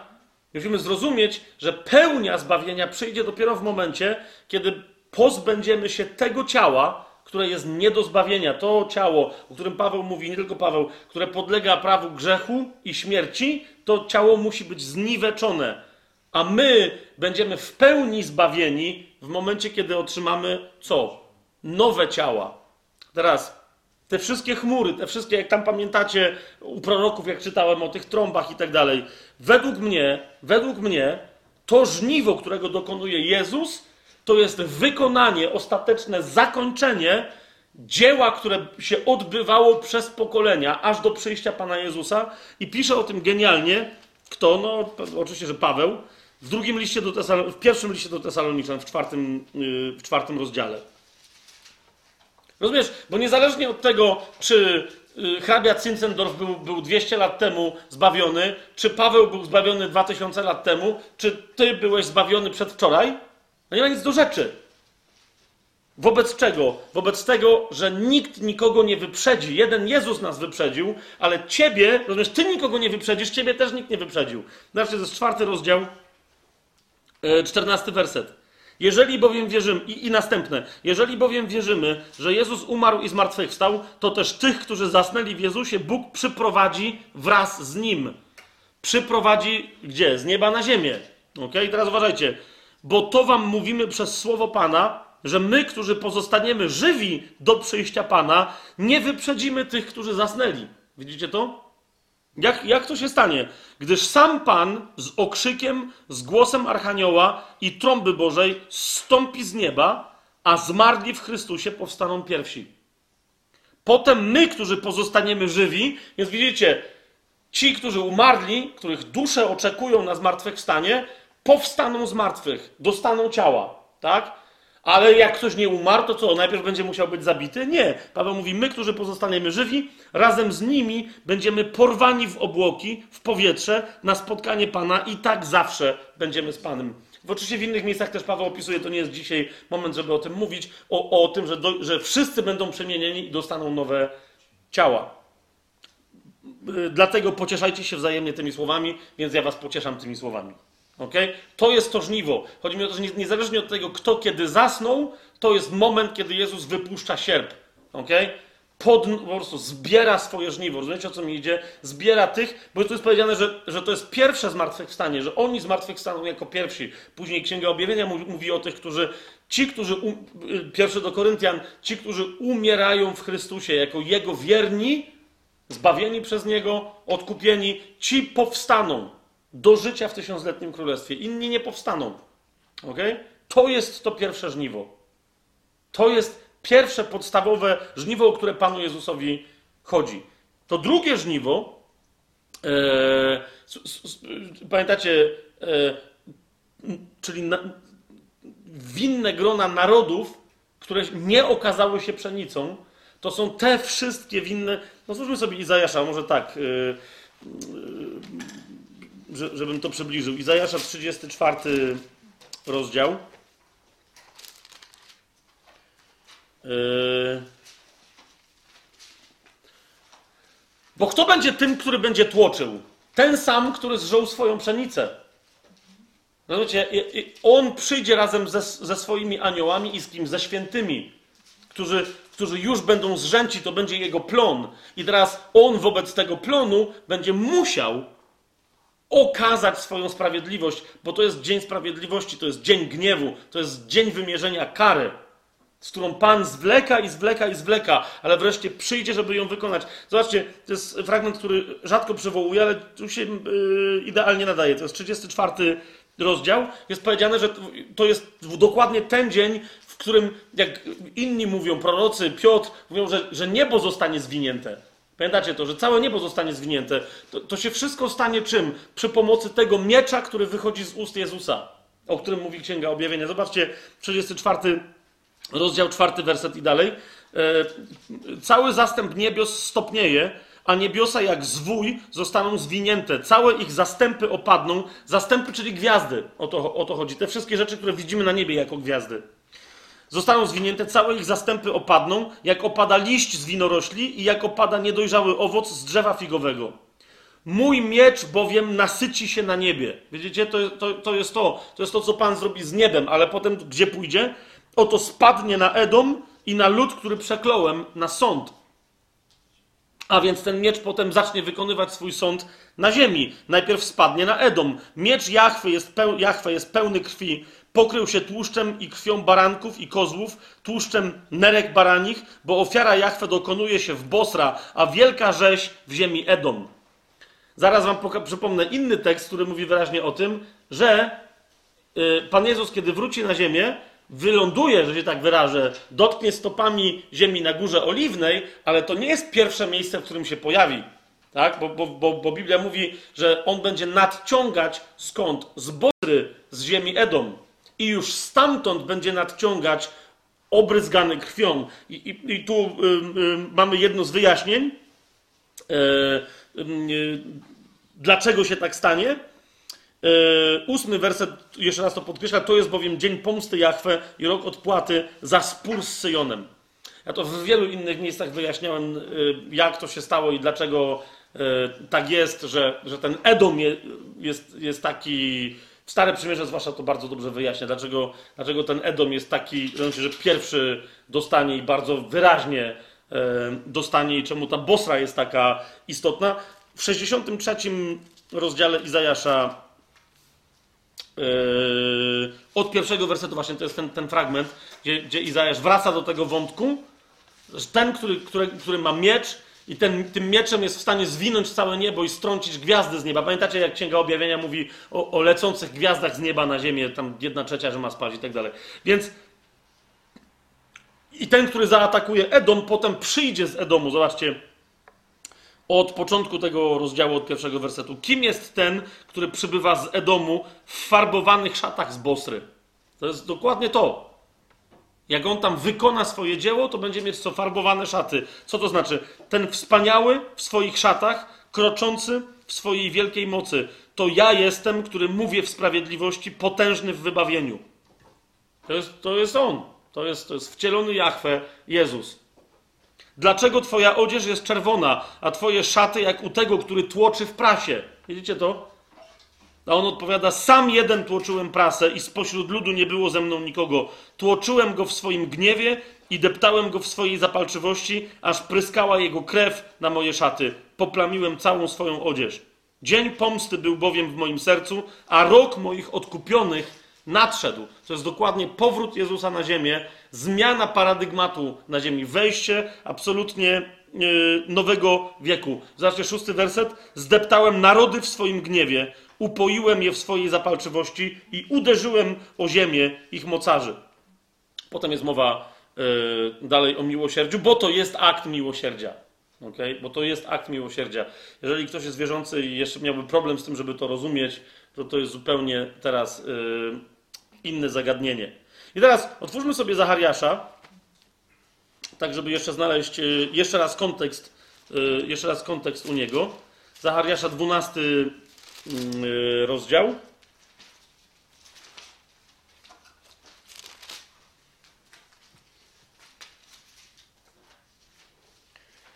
Jeszcze, jeszcze raz zobaczcie, że właśnie w kontekście tego żniwa, e, bo, no bo jak tam będziecie czytać dalej w objawieniu, to jest pytanie, no dobra, e, jest, jest, e, jest zrzęte zboże, pójdzie pani od Bosry w Edomie, będzie rządź winogrona, które od razu wytłoczy, że tak powiem, w tłocznik gniewu Bożego, ale gdzie są zbiory oliwek?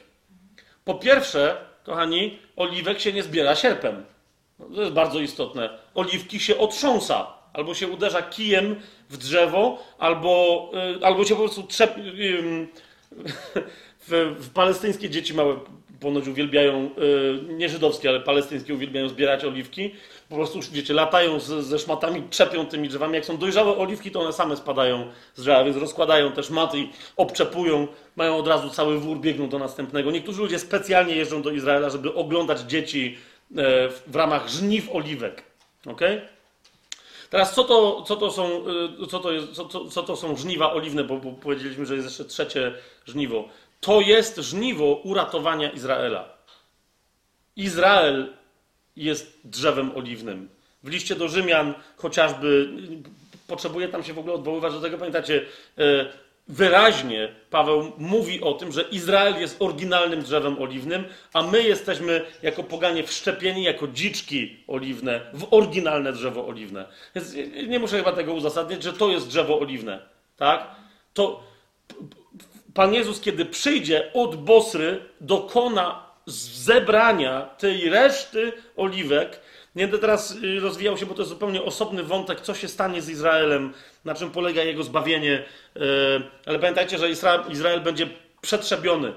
Y, między innymi Izajasz mówi o tym, że Damaszek zniknie dosłownie z dnia na dzień, zniknie z powierzchni ziemi kompletnie, chociaż on dzisiaj już po tych wszystkich walkach z ISIS i tak dalej w zasadzie połowie zniknął, ale dalej jest, tak? Natomiast wtedy zniknie z powierzchni ziemi, ale po tym jak Damaszek zniknie z powierzchni ziemi, Izrael dostanie pierwszego trzęsienia, że tak powiem, drzewa oliwnego i dwie trzecie e, Izraela też zniknie z powierzchni ziemi, ludności Izraela. Rozumiecie?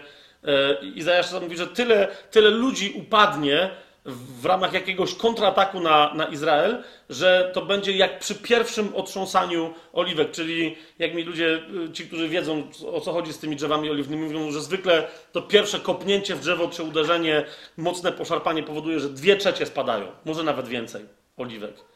Więc zostanie dosłownie, jak wiecie, jak Biblia w wielu miejscach mówi o resztce Izraela, zostanie resztka Izraela. Ale teraz popatrzcie, żeby doszło do. Jak, jak dochodzi do, zrzę, do nie zrzęcia, ale zebrania resztki Izraela jako oliwek? Znów, i według mnie to jest jeszcze jeden konkretny dowód na to, że musi przyjść duch, ok? Musi przyjść dla nich konkretnie deszcz późny, wiosenny, i w ramach tego deszczu oni się dadzą zebrać. Zobaczcie, to jest 12, yy, 12 rozdział yy, Zachariasza dziesiąty werset, tam jest wcześniej powiedziane o tym przychodzeniu Pana, który przyjdzie z Bosry, żeby bronić Izraela, bo, bo y, nie Izraela, tylko Jerozolimy, bo będzie okrążona, ale mówi wprost, że, że także wobec tego żniwa najpierw musi wylać ducha jako deszcz. Zobaczcie dziesiąty werset. I wyleje na dom Dawida i na mieszkańców Jerozolimy ducha łaski i modlitwy i to mówi kto? Ten, który idzie z Bosry. No, teraz skracam myśl, bo już nie chcę pokazywać, że to, to jest logika i to jest powiązanie z Izajaszem, tak? Ten, który idzie z Bosry w tych szatach, on jest widzialny, rozumiecie? On tam dokonuje dzieła, on jest widzialny. I dlatego tu jest powiedziane, będą patrzeć na mnie, którego przebili. Jest, jest, jest, jest jasne, jest jasne wyznanie. Będą patrzeć na mnie, którego przebili, i będą go opłakiwać, jak się opłakuje jedynaka. Będą gorzko płakać nad nim, jak się płacze gorzko nad pierworodnym. Rozumiesz? Przychodzi deszcz do Izraela, nawet dla nich przychodzi, powiedziałbym, osobno. Ich deszcz późny, ich deszcz wiosenny, w ramach którego to deszczu, co się dzieje? Oni uznają Jezusa jako Mesjasza. I Jezus nie ma im za złe, że do tego momentu czekali. W tym dniu, zobaczcie co jest dalej napisane, będzie wielki lament w Jerozolimie, jak lament w Hadadrimon na równinie Megido. Ziemia będzie lamentować, każdy ród osobno, ród domu Dawida osobno, jego kobiety osobno, ród domu Natana osobno, jego kobiety osobno i tak dalej, i tak dalej, i tak dalej. Aż do 14 wersetu wszystkie pozostałe rody, każdy ród osobno i ich kobiety osobno. E, kto był w Izraelu, w Jerozolimie zwłaszcza, to tam widział, że ten wszędzie rozdział między mężczyznami i kobietami jest cały czas. Nie, nie da się wejść do, nawet do takiego w sumie nie bardzo religijnego miejsca jak grób Dawida, rzekomy. Oni sami wiedzą, że to nie jest grób Dawida, ale okej, okay, też jest osobne, osobno kobiety, osobno mężczyźni. E, to w tym proroctwie w pełni znajdujemy. Zobaczcie, 14, jeszcze rozdział, pierwszy werset. Żebyście zobaczyli, to jest ten kontekst. Oto przychodzi dzień Pana, a twój łup będzie rozdzielony pośród ciebie. Tam wcześniej też u proroków już nie zwracałem na to wam aż za specjalnej uwagi. Jest mowa o tym, że będzie na ziemi mnóstwo pustego dziedzictwa i to dziedzictwo będzie rozdzielone. Ok? W, zobaczcie, od piątego wersetu dalej mamy powiedziane, wtedy będziecie uciekać do doliny tych gór, bo dolina tych gór będzie sięgać aż do Azal. To jest zaraz po tym, jak już Pan Jezus wyląduje na ziemi. Tak? Yy, to jest trzeci werset, wtedy Pan wyruszy i będzie walczył przeciwko tym narodom. Czwarty werset, jego nogi staną w tym dniu na górze oliwnej. I oni będą uciekać, będziecie uciekać, piąty werset, będziecie uciekać, jak uciekaliście przed trzęsieniem ziemi za dni Uzjasza, króla Judy. Potem przyjdzie Jachwę, mój Bóg, a z nim wszyscy święci. Widzicie, to jest to. Przyjdzie On ze swoim żniwem zbożowym, pszenicznym, czyli ze swoimi świętymi. Yy, a w tym dniu nie będzie wspaniałej światłości ani gęstej ciemności, lecz będzie to jeden tylko dzień, który jest znany tylko Panu. Nie będzie to dzień ani noc, a o wieczornej porze nastanie światło. No i potem w tym dniu wyjdą wody żywe z Jerozolimy. Tam dochodzi do, yy, tam dochodzi do przełomu. Zobaczcie Księgę Objawienia, wróćmy tam. 19 rozdział. Nie da się zrozumieć takich fragmentów jak ten bez pamiętania chociażby o tych fragmentach, które teraz przeczytałem, chociaż ich w Starym Testamencie jest znacznie, znacznie więcej. To jest 19 rozdział od 11 wersetu. Potem zobaczyłem Księgi Objawienia, potem zobaczyłem niebo otwarte, a oto biały koń, a ten, który na nim siedział, nazywa się wiernym i prawdziwym i w sprawiedliwości sądzi i walczy. Widzicie to? On nie od razu wyląduje, będzie leciał na tym koniu i będzie walczyć od Bosry w. Przynajmniej stamtąd, bo to jest, to jest pewne, bo może jeszcze w innym miejscu zacznie na ziemi. Jego oczy jak płomień ognia, a na jego głowie wiele koron. To jest to, o czym mówię, dlatego ten jeździec z tych czterech mi nie pasuje, bo on ma tylko jedną. Na jego głowie wiele koron i miał wypisane imię, którego nikt nie zna, tylko on sam. Ubrany w szatę zmoczoną we krwi, widzicie to? A jego imię brzmi Słowo Boże a wojska w niebie podążały za nim na białych koniach, ubrany w bisior biały i czysty, a z jego ust wychodzi ostry miecz, aby nim pobić narody. To jest ten miecz, o którym Izajasz mówi, że najpierw pobije niebo. On bowiem będzie rządził nimi laską żelazną i on wyciska w tłoczni wino zapalczywości i gniewu Boga Wszechmogącego. A na szacie i na biodrze ma wypisane imię Król Królów i Pan Panów. I zobaczyłem jednego anioła stojącego w słońcu i zawołał donośnym głosem do wszystkich ptaków, żeby się zleciały, po co, żeby się najeść ciałami tych, którzy pomyśleli, że można się przeciwstawić Bogu, że można się przeciwstawić Mesjaszowi, który wraca, żeby rządzić e, na ziemi. A więc, kochani, to jest żniwo. Rozumiecie? To jest żniwo. Żniwo to jest coś, co jest zamierzone przez Pana Jezusa. To jest coś, w co On ma wpatrzony wzrok. Nasza, natomiast my jesteśmy oczywiście zaproszeni teraz, yy, ale o tym musimy pamiętać, że to jest żniwo. Jezus jest żniwiarzem ze swoimi aniołami. My w zasadzie przyjeżdżamy jako efekt pierwszego żniwa, jako dowód na, na to, że ono jest udane, jako świadkowie tego, co się dzieje. Ale niespecjalnie, ci, zauważyliście, niespecjalnie święci walczą. Jezus walczy, ponieważ to On wymierza sprawiedliwość. Tak? Czekał cierpliwie w, w całym tym jubileuszowym okresie między swoim zmartwychwstaniem, wylaniem Ducha Świętego, a powrotem, mając miłosierdzie i łaskę, ale w tym momencie mówi: OK, to już jest koniec. Kto do tego momentu nie przyszedł do mojej łaski, jest oddany na dzień sądu.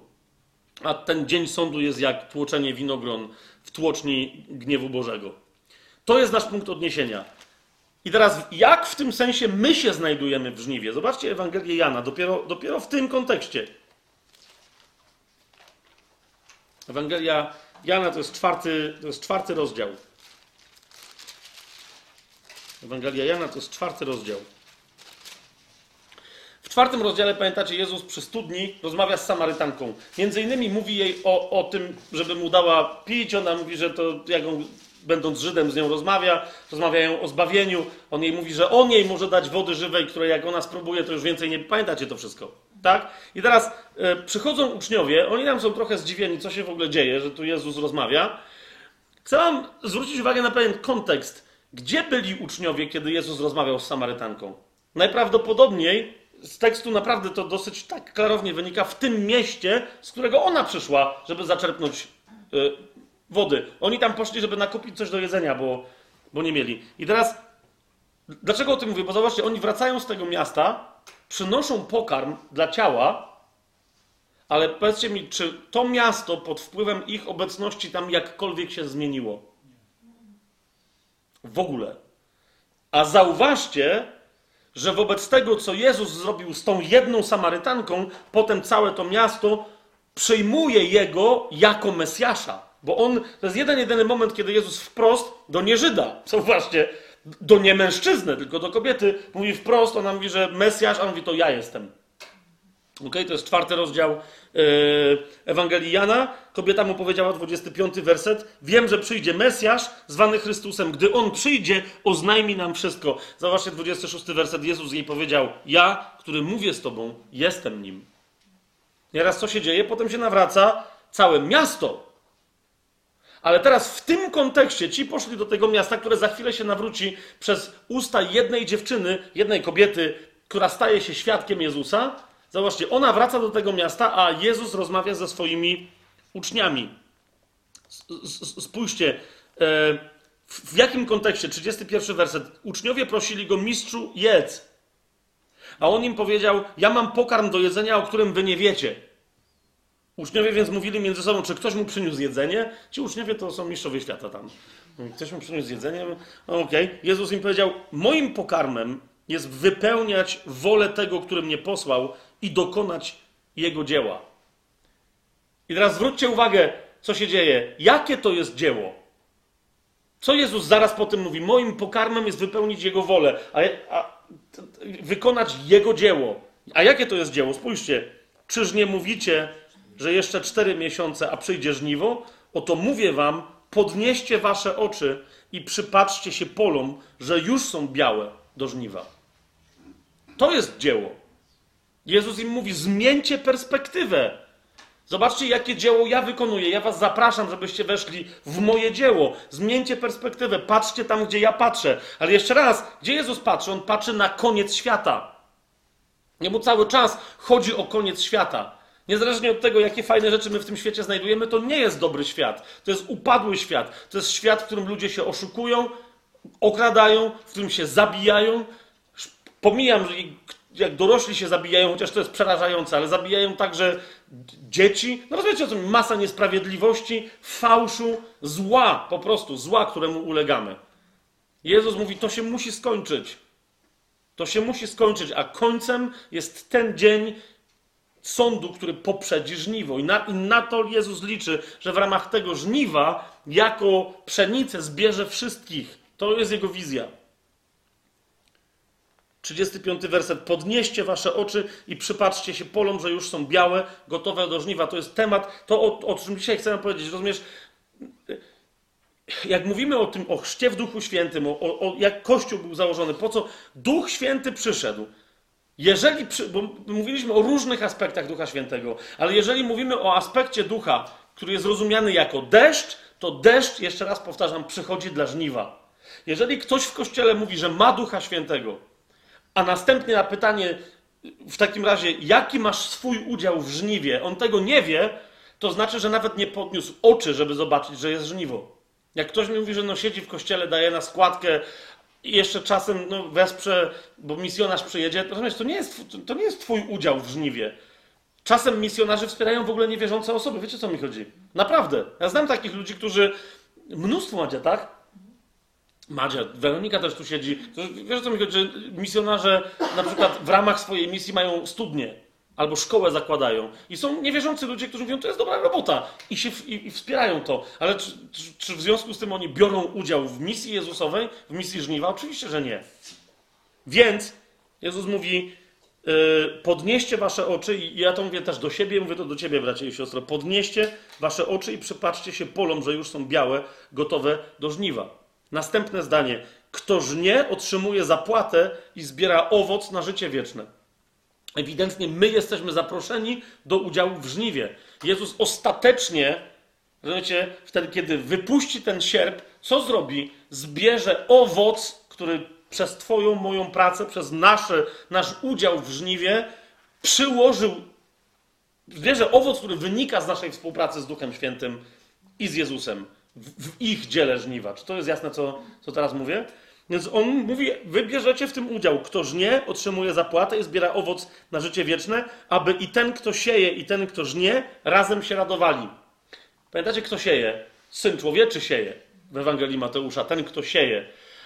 Ale zaraz pokażę jeszcze bardziej, jeszcze bardziej złożona. Tak? Jest jeszcze bardziej złożona. W tym właśnie prawdziwe jest przysłowie, kto inny sieje, a kto inny żnie. 38 bardzo istotny werset. Ja was posłałem, rządź to, nad czym nie pracowaliście. Bardzo istotne zdanie, do którego myślę, że się natychmiast potrzebujemy teraz odnieść. Prawie natychmiast. Ja was posłałem, rządź to, nad czym nie pracowaliście. Inni pracowaliście, a wy weszliście w ich pracę. Wy weszliście w ich pracę. Jesteśmy ewidentnie powołani do żniwa. Jezus na końcu, pomyśl sobie, Twoje dzisiejsze uczestnictwo w życiu Kościoła, Twoja dzisiejsza misja spowoduje, że Pan Jezus będzie co miał rządzić. Kapujesz? Jeżeli ty dzisiaj miałaś, czy miałeś ogłosić Ewangelię komuś, zaświadczyć mu, chociażby tylko przyłożyć się, rozumiesz, że ty nie musisz kogoś koniecznie doprowadzić do Chrystusa, ale po, rozumiesz, twoje świadectwo go pobudziło, on potem czegoś poszukał i wreszcie kiedyś podszedł i powiedział, chcę oddać życie Chrystusowi, to, to to należy do ciebie też. Rozumiesz, o co mi idzie? Jezus, jak, jak zapuści ten sierp, to ta osoba powstanie, ale Jezus będzie wiedział, które ziarno z czyjej pracy pochodzi i będzie wiedział, komu ile za, od, odpłacić za tę dobrą robotę. Kapujecie, o co mi chodzi? To jest nasz udział. My, to, to ostateczne żniwo, to jest coś, na co my wszyscy w każdym pokoleniu się składamy. I stąd jest pytanie, jeżeli nie ma żniwa bez późnego wiosennego deszczu, to jest pytanie, jak wygląda nasze dzisiaj żniwo i być może wynika z tego, że pierwszy deszcz jesienny nie został deszczem wiosennym w naszych sercach i w naszej dzisiejszej posłudze zaktualizowany. Czy zaczyna być jasne to, co ja gadam? Czy jest to jasne, co mówię? Okej, no, okej. Okay, okay. To, to idziemy szybko dalej. Otwórzmy pierwszy do Koryntian. Bo e, właśnie o to mi chodzi, że wiecie, ta robota e, jest robotą naprawdę, tak jak Jakub powiedział, to jest robota rolników.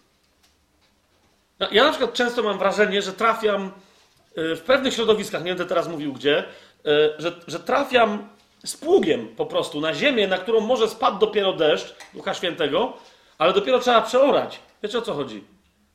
I, i, a potem ktoś tam przyjdzie i to jeszcze zabrunuje, potem jak nie coś tam się robi z ziemią, żeby ją przygotować. Potem dopiero ktoś przyjdzie, kto będzie siał i tak dalej. O, o to mi idzie. O to mi idzie, że my nie możemy zawłaszczać sobie pracy Bożej. Kapujecie? Paweł w pierwszym do Koryntian mówi o tym genialnie. Mówi, uspokójcie się. Naprawdę, uspokójcie się, przestańcie się kłócić. Patrzcie, kto co robi i zrozumcie kontekst, w jakim to robi, w jakiej części całej roboty związanej ze żniwem to się znajduje. I nie przywiązujcie się do jednego czy do drugiego, ale, ale patrzcie, w czym kto uczestniczy. To jest trzeci rozdział pierwszego listu do Koryntian. I tam chodzi o to, że tam, wiecie, się odbyła kłótnia cała, tak? Czwarty werset weźmy w ten sposób. No on mówi, że się kłócicie, bo, bo, bo, jeden jest do tego nauczyciela przylgnął, drugi do tamtego pasterza, a trzeci do tego proroka. I on mówi, skoro ktoś mówi, ja jestem Pawła, a inny ja Apollosa, to czy nie jesteście cieleśni? Kim bowiem jest Paweł? Kim Apollos? Tylko sługami, przez których uwierzyliście, a to tak, jak każdemu dał Pan. O tym jeszcze dzisiaj troszeczkę e, będę więcej mówił. Tak, jak każdemu dał Pan. To też każdy ma swoje miejsce w żniwie i zrozum to.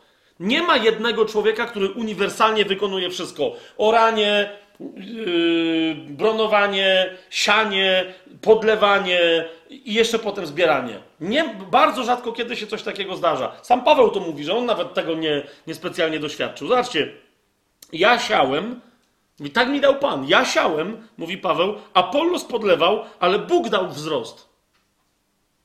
Tak więc ani ten, który sieje, ani ten, który podlewa, nic nie znaczą, tylko Bóg, który daje wzrost. Ten zaś, który sieje i ten, który podlewa, stanowią jedno, a każdy otrzyma swoją zapłatę stosownie do swojej pracy. Widzicie to? Więc chodzi mi o to, że Żeńca może być tym, który ma swój sierpik w ręce i wiecie, przyprowadza ludzi bezpośrednio do wiary, do Chrystusa. Może być, yy, może być kimś, kto dopiero przygotowuje glebę serc. Rozumiecie o co mi chodzi? Może być kimś, kto sieje, tak jak mówi Paweł. Może być kimś, kto w ogóle nie przyprowadza nikogo do Chrystusa, ale pracuje w kościele nad wzrostem tego, co zostało zasiane w sercu. Tak? Żeby inni przynieśli owoce. Czy to jest jasne, co, co teraz gadam?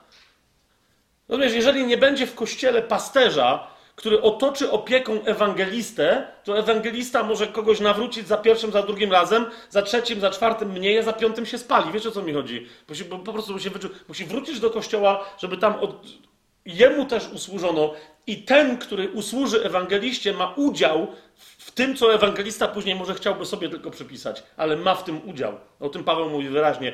To jest całe nasze dzieło yy, żniwa. Każdy ma w nim swój udział i swoją rolę. I teraz, kochani, otwieramy Ewangelię Mateusza, znowu do niej wracamy. Dzisiaj wszystko wokół niej krąży. Mamy jeszcze trochę czasu? Wow! Myślałem, że dzisiaj jest naprawdę krótki temat. E, 25 rozdział Ewangelii Mateusza. E,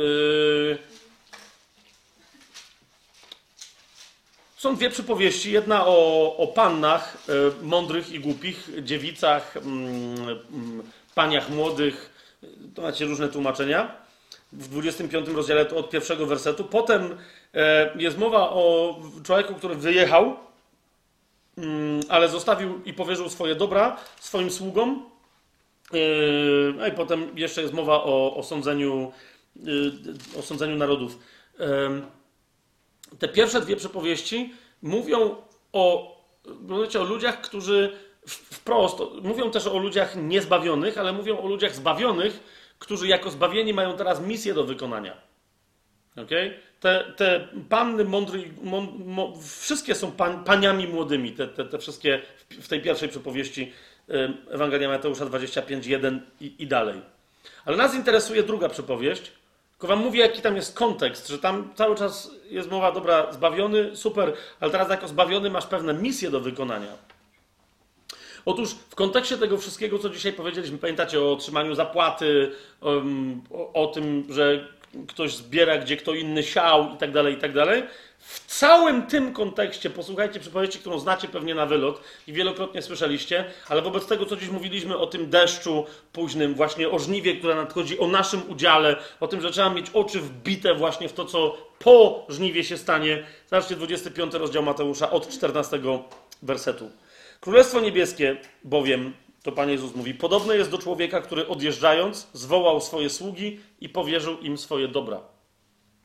Jednemu dał pięć talentów, drugiemu dwa, a trzeciemu jeden, każdemu według jego zdolności i zaraz odjechał.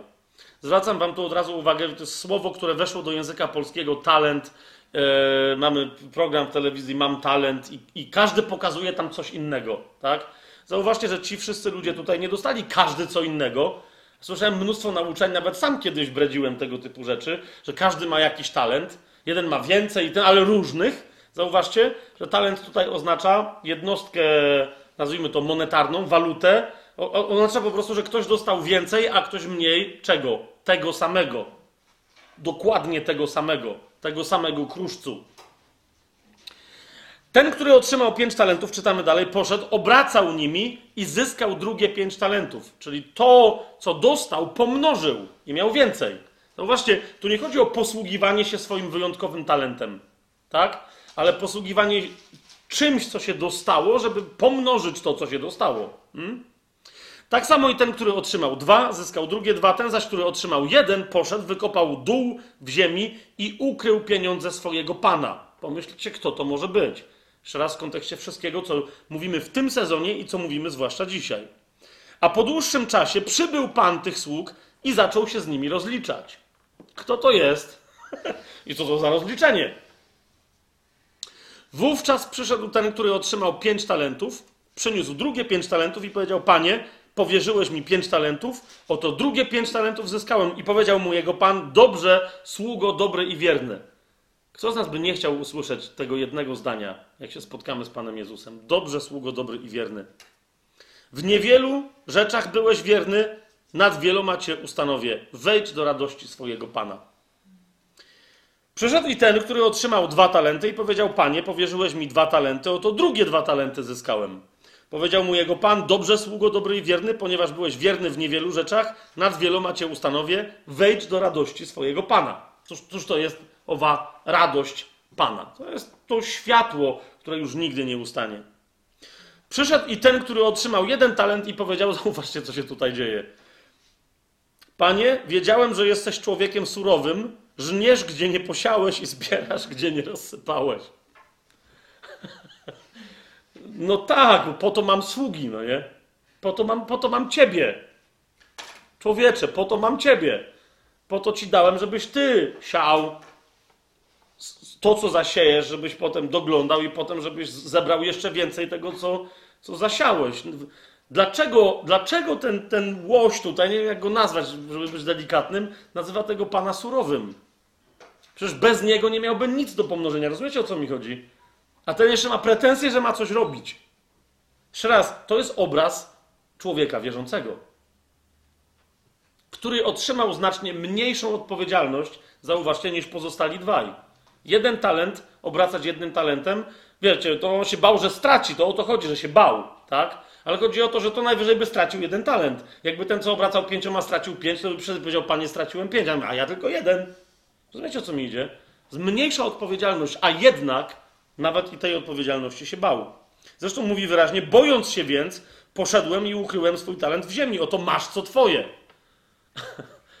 A, a, a pan mówi, no to mój Boże, to co ty myślisz, że nie umiem sobie przechować talentu? I to tobie musiałem dać, żebyś ty mi go przechował? Go dostałeś, żeby nim obracać.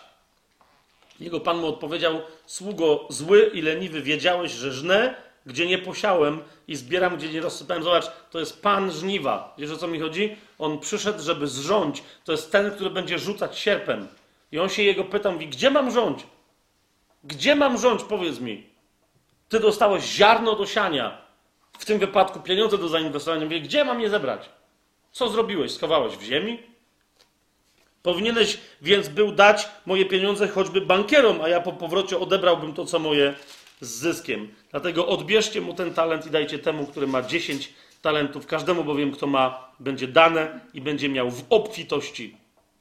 A tego nieużytecznego sługę, 30 werset, wrzućcie w ciemności zewnętrzne. Tam będzie płacz i zgrzytanie zębów. Zauważcie, jaki jest kontekst. Co prawda, 31 werset to nie jest podsumowanie tej przypowieści, ale wprowadzenie do następnej, ale Jezus mówi, to będzie to. Tak się będę rozliczał z wami, a z narodami pogańskimi, nienawróconych ludzi, będę się rozliczał w ten, i potem mówi, jak będzie wyglądał sąd narodów. Niemniej z nami się będzie rozliczał między innymi z tego, jak te narody były przygotowane na sąd, który następnie będzie nad nimi um, przeprowadzać. E, otwórzmy sobie w tej Ewangelii Mateusza dziewiąty, dziewiąty werset, e, dziewiąty rozdział.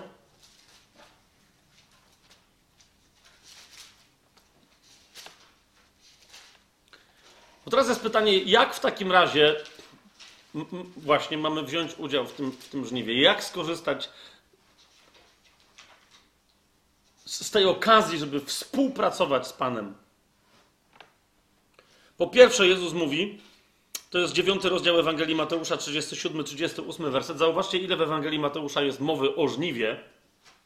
Jezus mówi, żniwo wprawdzie wielkie, ale robotników mało. I znowu, w jakiej sytuacji to mówi? A więc jednocześnie sugeruje nam, co my mamy robić.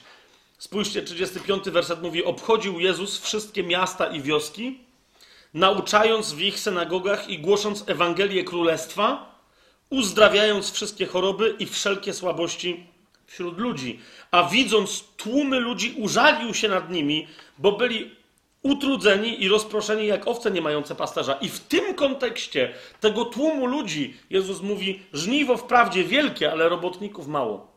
Pierwsza podstawowa rzecz mówi: proście więc pana żniwa, aby wysłał robotników na swoje żniwo. Z pierwsza rzecz. Zanim ty, może nawet bezpośrednio weźmiesz udział w taki czy inny sposób w żniwie, nie możesz przestać. I potem zresztą, jak dostaniesz misję w żniwie, nadal dlaczego miałabyś czy miałbyś przestać modlić się o, o następnych robotników na żniwo? Zobacz, jak wiele osób siedzi w kościele i nic nie robi. Ich trzeba podnieść. Jeszcze raz, to jest dla mnie późny wiosenny deszcz. To jest dla mnie potrzeba chrztu w Duchu Świętym. To jest dla mnie aktualizacja pięćdziesiątnicy w tym pokoleniu. To jest, to jest wołanie, przyjdź Duchu Święty i podnieś tych robotników, aby byli świadkami aż po krańce ziemi. Nie jesteśmy zbawieni, a już tym bardziej powołani do tego, żeby siedzieć w bezpiecznych zgromadzeniach, w klubach dyskusyjnych, w ramach których nawet najbardziej ortodoksyjna dyskusja nie jest żadnym uspra usprawiedliwieniem. Że po 20 latach ktoś mówi, o, my, my tu znamy, my studujemy Słowo Boże i znamy na wylot po prostu całe Pismo Święte. Świetnie. I dalej jest was siódemka? To co z tego, że znacie całe Pismo na wylot? Do tego zostaliście powołani? Macie całą wieczność później, żeby... Nic z tego nie przeminie. Ani jota w piśmie nie przeminie. Mamy całą wieczność na to, żeby razem z Jezusem przy takim rabbim studiować Słowo Boże. Teraz mamy misję do wypełnienia i każdy i każda z nas ma swoją rolę do odegrania w tej misji, którą jest żniwo. Amen? E, I jeszcze wrócę do jednej rzeczy, bo niektórzy no, nie wiadomo, co to są te talenty, nie wiadomo. Jest, jest, jest przynajmniej parę miejsc, ale tak wyraźnych, że no, po prostu nie da się ich ominąć. U Pawła, na przykład zobaczcie w liście do Efezjan, e, który się odwołuje dokładnie do tej koncepcji, którą Pan Jezus się posłużył, że każdy dostał jakąś miarę talentów. Ale co, jest miara czego? List do Efezjan, e, otwórzcie sobie czwarty rozdział.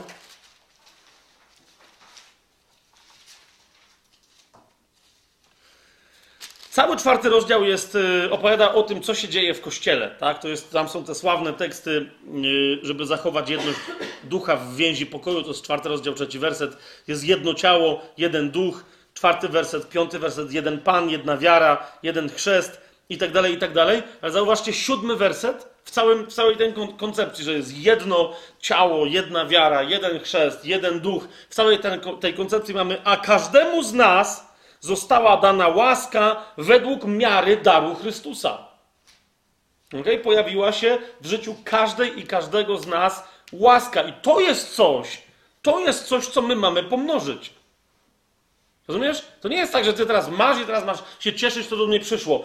Co zrobisz, żeby ta łaska w twoim życiu się pomnożyła? I jak ktoś ma wątpliwości, niech sobie sam znajdzie u Piotra, to jest proste miejsce, e, jak, jak Piotr mówi wyraźnie, żeby się wam łaska pomnożyła. Tak? To jest jego podstawowe życzenie. Przy, po- już po- powiedziałem, gdzie znajdziecie, ok, przy pozdrowieniu. To, to jest siódmy werset. Zobaczcie dalej, bo on, on tam mówi o Jezusie, który zstąpił, wstąpił. Zobaczcie trzynasty werset. On mówi o tym, że, że pięć służb w kościele są ustanowienia, ustanowione, jedenasty werset, te pięć służb tam są wymienione, są ustanowione dlaczego? Dwunasty werset. Dla przysposobienia świętych, dla dzieła posługiwania, dla budowania ciała Chrystusa i uważajcie, trzynasty werset, aż dojdziemy wszyscy do jedności wiary i poznania Syna Bożego, do człowieka doskonałego, do miary dojrzałości pełni Chrystusa. Kapujecie? To, to, to, jest, to, to- jest to. My mamy być zjednoczeni w pomnażaniu tego, tej, tej miary daru, kt- którą każdy z nas większą czy mniejszą otrzymał, ale mamy być w jedności w ramach tego mnożenia. I w 16 wersecie do tego wątku dalej jeszcze tutaj w tym czwartym rozdziale Paweł wraca, mówiąc o Chrystusie, z niego całe ciało harmonijnie złożone i zespolone we wszystkich stawach, dzięki działaniu każdego członka stosownie do jego miary, widzicie to? Dzięki działaniu każdego członka stosownie do jego miary przyczynia sobie wzrostu dla budowania samego siebie yy, w miłości.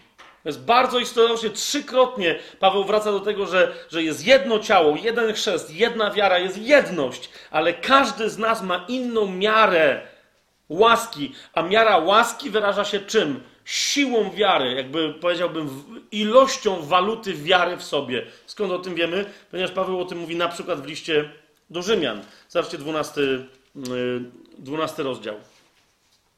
Jak ktoś pyta, co znaczy mnożyć talenty, co znaczy mnożyć łaskę.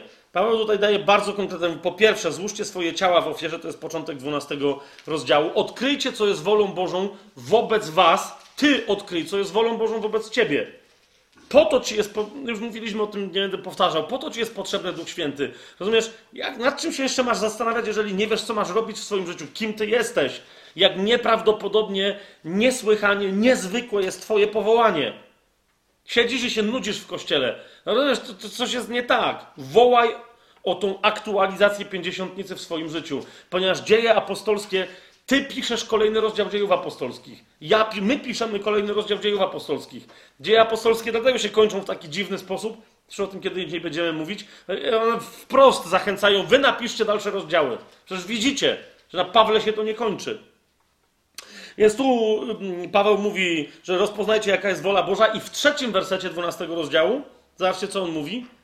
Mówię bowiem przez łaskę, która mi jest dana, każdemu, kto jest wśród was, aby nie myślał o sobie więcej niż należy, ale żeby, uważajcie, myślał o sobie skromnie, stosownie do miary wiary, jakiej Bóg każdemu udzielił.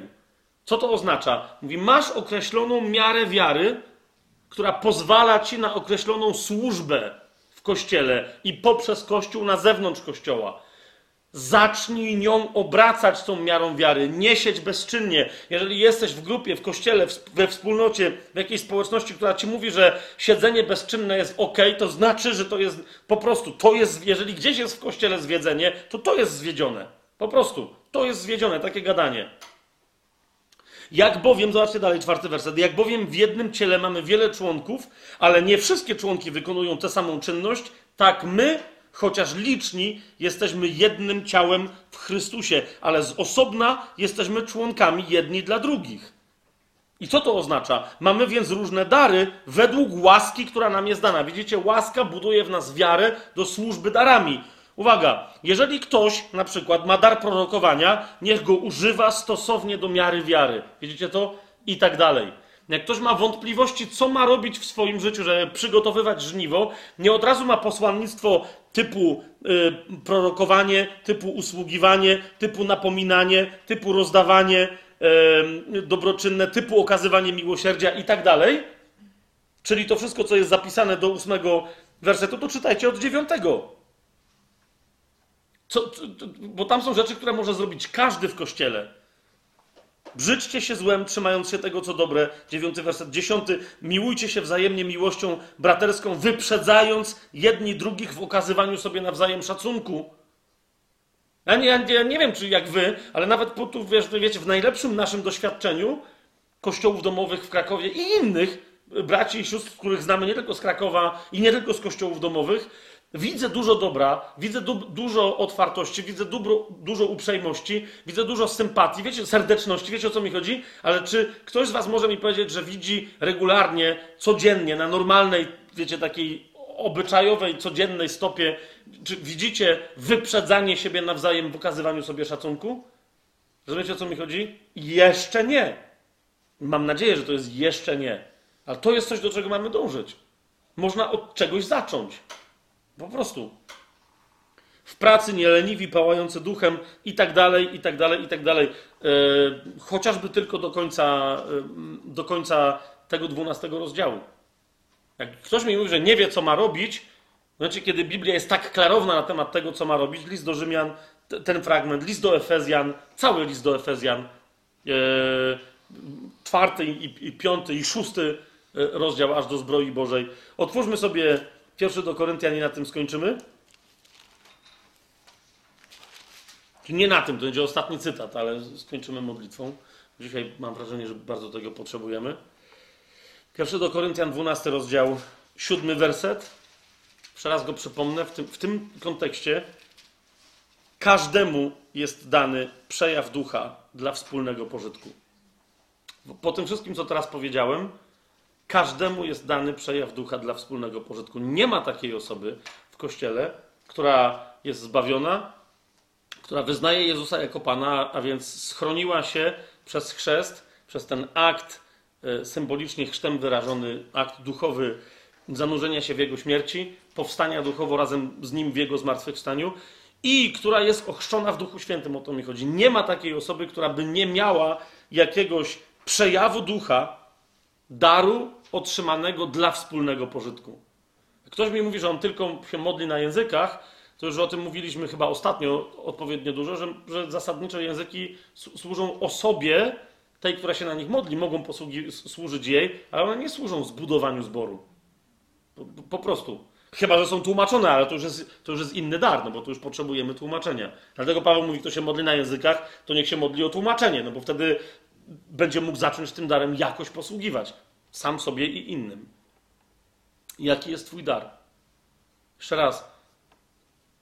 Jeżeli, niezależnie od tego, czy tak będzie, że my kiedyś. Rozumiecie, co się stanie, To jest moje pytanie. Jeżeli my doczekamy tych dni jakoś, kiedy przyjdzie, i rzeczywiście to jest prawda, tak, że to rzeczywiście przyjdzie, tak jak w zasadzie wszyscy Żydzi mesjańscy tego oczekują, że przyjdzie pięćdziesiątnica, ale na cały świat. Wiecie, niektórzy oczekują tego czegoś jako zbawienia jakby nowego. Czyli jakby, wiecie, są dzisiaj i mówią, no ale my dzisiaj nie mamy ducha, ale jak przyjdzie to coś, to nie trzeba będzie nic robić i my wtedy automatycznie to nas poniesie, jak taka fala. Moje pytanie brzmi, czy Duch Święty wtedy przychodząc nie stanie się dla niektórych strasznym sądem, o którym, jak Piotr mówi, musi się zacząć od domu Bożego. Wiecie o co mi chodzi? Czy to jest tak, że po prostu Duch Święty mówi, a dobra, nieważne. Co z tego, że masz młodzieńca? Co z tego, że masz młodzieńca, który, yy, który się dobrze zapowiadał? Jak miał 18 lat, ćwiczył, był zbudowany, świetnie umieśniony. No wiesz, i teraz co z tego? Ja pamiętam, jak, jak w pewnym momencie, mając 30 parę lat, E, stwierdziłem, że kiedyś jak byłem młody, to nie, w piłce nożnej byłem beznadziejny, ale jedną rzecz potrafiłem w miarę dobrze zrobić, mianowicie podać z wolnego, wrzucić na główkę komu, wiecie, w, w pole karne. E, I wszedłem na boisko zasadniczo tak, o, bo tam jakiś taki mecz był przygłupi, 30-paroletnich facetów, wiecie, tam nie, było pełnych składów, ale e, no, to było wszystko przygłupie. Nie będę opowiadać o co chodzi, ale uznałem, że tam na jakimś prawym skrzydle tam coś się poplącze, a jak trzeba będzie walić wolne, no to wtedy zwłaszcza takie wrzutki, no wtedy ja jestem. Prawa noga jak najbardziej. Tylko wiecie, miałem wyobrażenie na swój temat sprzed parunastu lat. Jak pierwszy raz kopnąłem tę piłkę, to ona w ogóle nie doleciała do pola karnego. Stwierdziłem, co się dzieje. Potem Zaś kopnąłem to doleciało, ale nie tak jak chciałem. Jak wreszcie się zdenerwowałem, jak wreszcie, bo to, bo to nie było czasu na ćwiczenie, to był mecz, tak? Jak za trzecim razem wykonałem wolnego, to musiałem zejść, po prostu coś zrobiłem w kolano. Po, po prostu. To jest to, jeżeli jak przyjdzie duch, to on przyjdzie nie po to, żeby wtedy dopiero zacząć nas ćwiczyć. ok? Jeżeli przyjdzie, kapujecie w sensie takiego daru, suwerennego daru, że po prostu będzie dotykał wszystkich, czy my chcemy, czy nie, czy my się wstawiamy, czy nie, czy po prostu przyjdzie i, i zrobi przebudzenie, jakiego świat nie widział. To jest pytanie, czy, czy to przebudzenie będzie dla nas okazją, żeby się podnieść i powiedzieć: Na to czekaliśmy, panie, do tego ćwiczyliśmy, po to byliśmy wierni, czy po prostu przyjdzie i, stanie, i nagle nas zastanie jako niewyćwiczonych, jako ociężałych, jako, jako właśnie obciążonych i grzechem, i przyzwyczajeniami, i, i niewiernością w służbie. Zauważcie, zanim Pan Jezus mówi o tych sługach, przypowieść o tych sługach, którzy mają mnożyć dary, najpierw mówi o pannach, e, a, a e, kluczem tamtej przypowieści jest czuwajcie. Po prostu. Żeby mnożyć dary, żeby brać udział w żniwie, najpierw musisz się nauczyć czuwać. Musisz zrozumieć, że jeszcze jest noc, Noc się posunęła, co prawda, pisze Paweł w liście do Rzymian, i przybliżył się dzień, ale ciągle jeszcze jest noc. Dzień pański, a wraz z nim cała gloria nadchodzącego królestwa, i to dopiero jest przed nami. My jeszcze jesteśmy w nocy, jeszcze nam się chce spać, jeszcze nam się nie chce czuwać, ale właśnie dlatego potrzebujemy, rozumiecie, ja cały czas robię to, żeby skorzystać z tych dziejów apostolskich i z tego naszego nauczania, żeby to w nas obudzić. Potrzebujemy zrozumieć, jak bardzo potrzebujemy Ducha Świętego. To nie jest tylko kwestia, czy, czy mi się chce być głodnym i czy mi się chce być spragnionym. Jeżeli masz w sobie tę ochotę, żeby iść za barankiem dokądkolwiek pójdzie, jak mówi Księga Objawienia, żeby być uczennicą, żeby być uczniem, żeby być sługą, który potem się dowie, że był dobrym i wiernym sługą, to rozumiesz, ty tego sama nie osiągniesz. Ty, ty sam tego nie zrobisz. Po prostu. Z grzechem, nawet jako wierzący chrześcijanin, bez Ducha Świętego sobie nie poradzisz. Co i róż będzie, będą się zdarzać potknięcia, poślizgnięcia. Jeżeli chcesz nie to, że siebie rozwijać, ale wejść wreszcie w służbę, potrzebujesz sobie uświadomić, jak bardzo potrzebujesz Ducha Świętego i potrzebujesz zacząć wołać o to do Ducha Świętego. Nawet jeżeli jesteś dzisiaj osobą, która służy yy, i, i się cieszy na tę myśl, że, że, że przyjdzie ten, ten, jak się nazywa ten późny deszcz? Malkosz. no, że on przyjdzie. To, to nadal, czy, czy dziś jesteś zadowolona, czy dzisiaj jesteś zadowolony wobec tego, czego chce Twoje serce? Czy jesteś zadowolony z, z, z, z tego, jak dużo jest, jest deszczu Ducha Świętego w Twoim życiu? Jak myślisz, jeżeli nie jesteś zadowolony, czy nie jesteś zadowolony, to dlatego, że on się nie udziela? Czy może dlatego, że, że, że jesteś niezadowolony, jak, jak ktoś się pyta, czy jesteś? Jesteś nie do końca zadowolony, jak się ktoś spyta, ale w zasadzie to jest komfortowo. Nie, bo, bo wiesz, jak, jak, jak przychodzi deszcz i zaczyna wiać wiatr, to czy masz malutki żagielek, czy duży, to się zaczyna pchać i może cię zapchnąć w miejsce, w którym może nie chcesz być. Hmm? Może, może cię poprosi o wyjechanie do kraju, w którym niemile są widziani chrześcijanie. Albo bardzo mile są widziani, tylko że, że się nawzajem nie lubią. I na pewno ciebie nie będą lubić. Jak przyjedziesz, żeby im jak Jeremiasz mówić, hej, obudźcie się, obudźcie się, Izraelu, Kościele, obudźcie się i tak dalej, i tak dalej. Więc yy, na, następ, ostatnie, bo to jest dziesiąty dzisiaj odcinek, chyba o dziesiąte spotkanie, tak? Ostatnie dwa poświęcimy temu, co dzieje apostolskie mówią na temat Kościoła, ponieważ yy, dzisiaj tego nie będę uzasadniać, ale sobie wtedy, wtedy to, to uzasadnimy. Tak jak Kościół jest przedstawiony w Biblii, yy, tak ta, taki miał być, taki jest zamysł Boży, żeby Kościół taki był, aż dopóki Pan Jezus nie wróci. Dzisiaj w zasadzie na świecie prawie nie ma kościoła, który w zasadzie powiedziałbym, że w, w 100% w ogóle nie ma kościoła, który wygląda jak Kościół dziejów apostolskich, jak oryginalny projekt Ducha Świętego. My potrzebujemy się mm, zapoznać z tym projektem, żeby znowu w jeszcze kolejnym aspekcie zobaczyć, jak bardzo potrzebujemy Ducha Świętego, żeby przyszedł i zrobił to, co od początku chciał robić, a my mu przeszkadzamy. Natomiast dzisiaj proponuję, żebyśmy zakończyli. E, chcę skończyć modlitwą. Nie, nie, nie powtarzajcie po mnie. Nie. Jak ktoś chce, to się może w sercu przyłączyć. Ja się chcę pomodlić. Jak ktoś chce, to się może razem ze mną pomodlić. E, także, żeby pomóc tym, którzy będą słuchać później jak, jakiegoś, jakiejś formy nagrania tego. Ale chcę w posłuszeństwie Słowu Bożemu i, i, woli Ojca, którą Pan Jezus nam wyraźnie przedstawił, chcę poprosić o robotników na żniwo. Wiedząc, że coś tam, tak mi się wydaje, coś tam w ramach tego żniwa robię, wcale nie mam, wiecie, wrażenia, że, że, że to jest wszystko to, co, co mógłbym robić. Że tu moja wierność jest jakaś bardzo niezwykła. Więc, więc chciałem Pana poprosić, żeby też pokazał mi, gdzie w, żniwie mnie widzi, czym jeszcze mogę posługiwać, jak bardzo potrzebuję Ducha Świętego. I zobaczymy, co jeszcze się w ramach tej modlitwy stanie.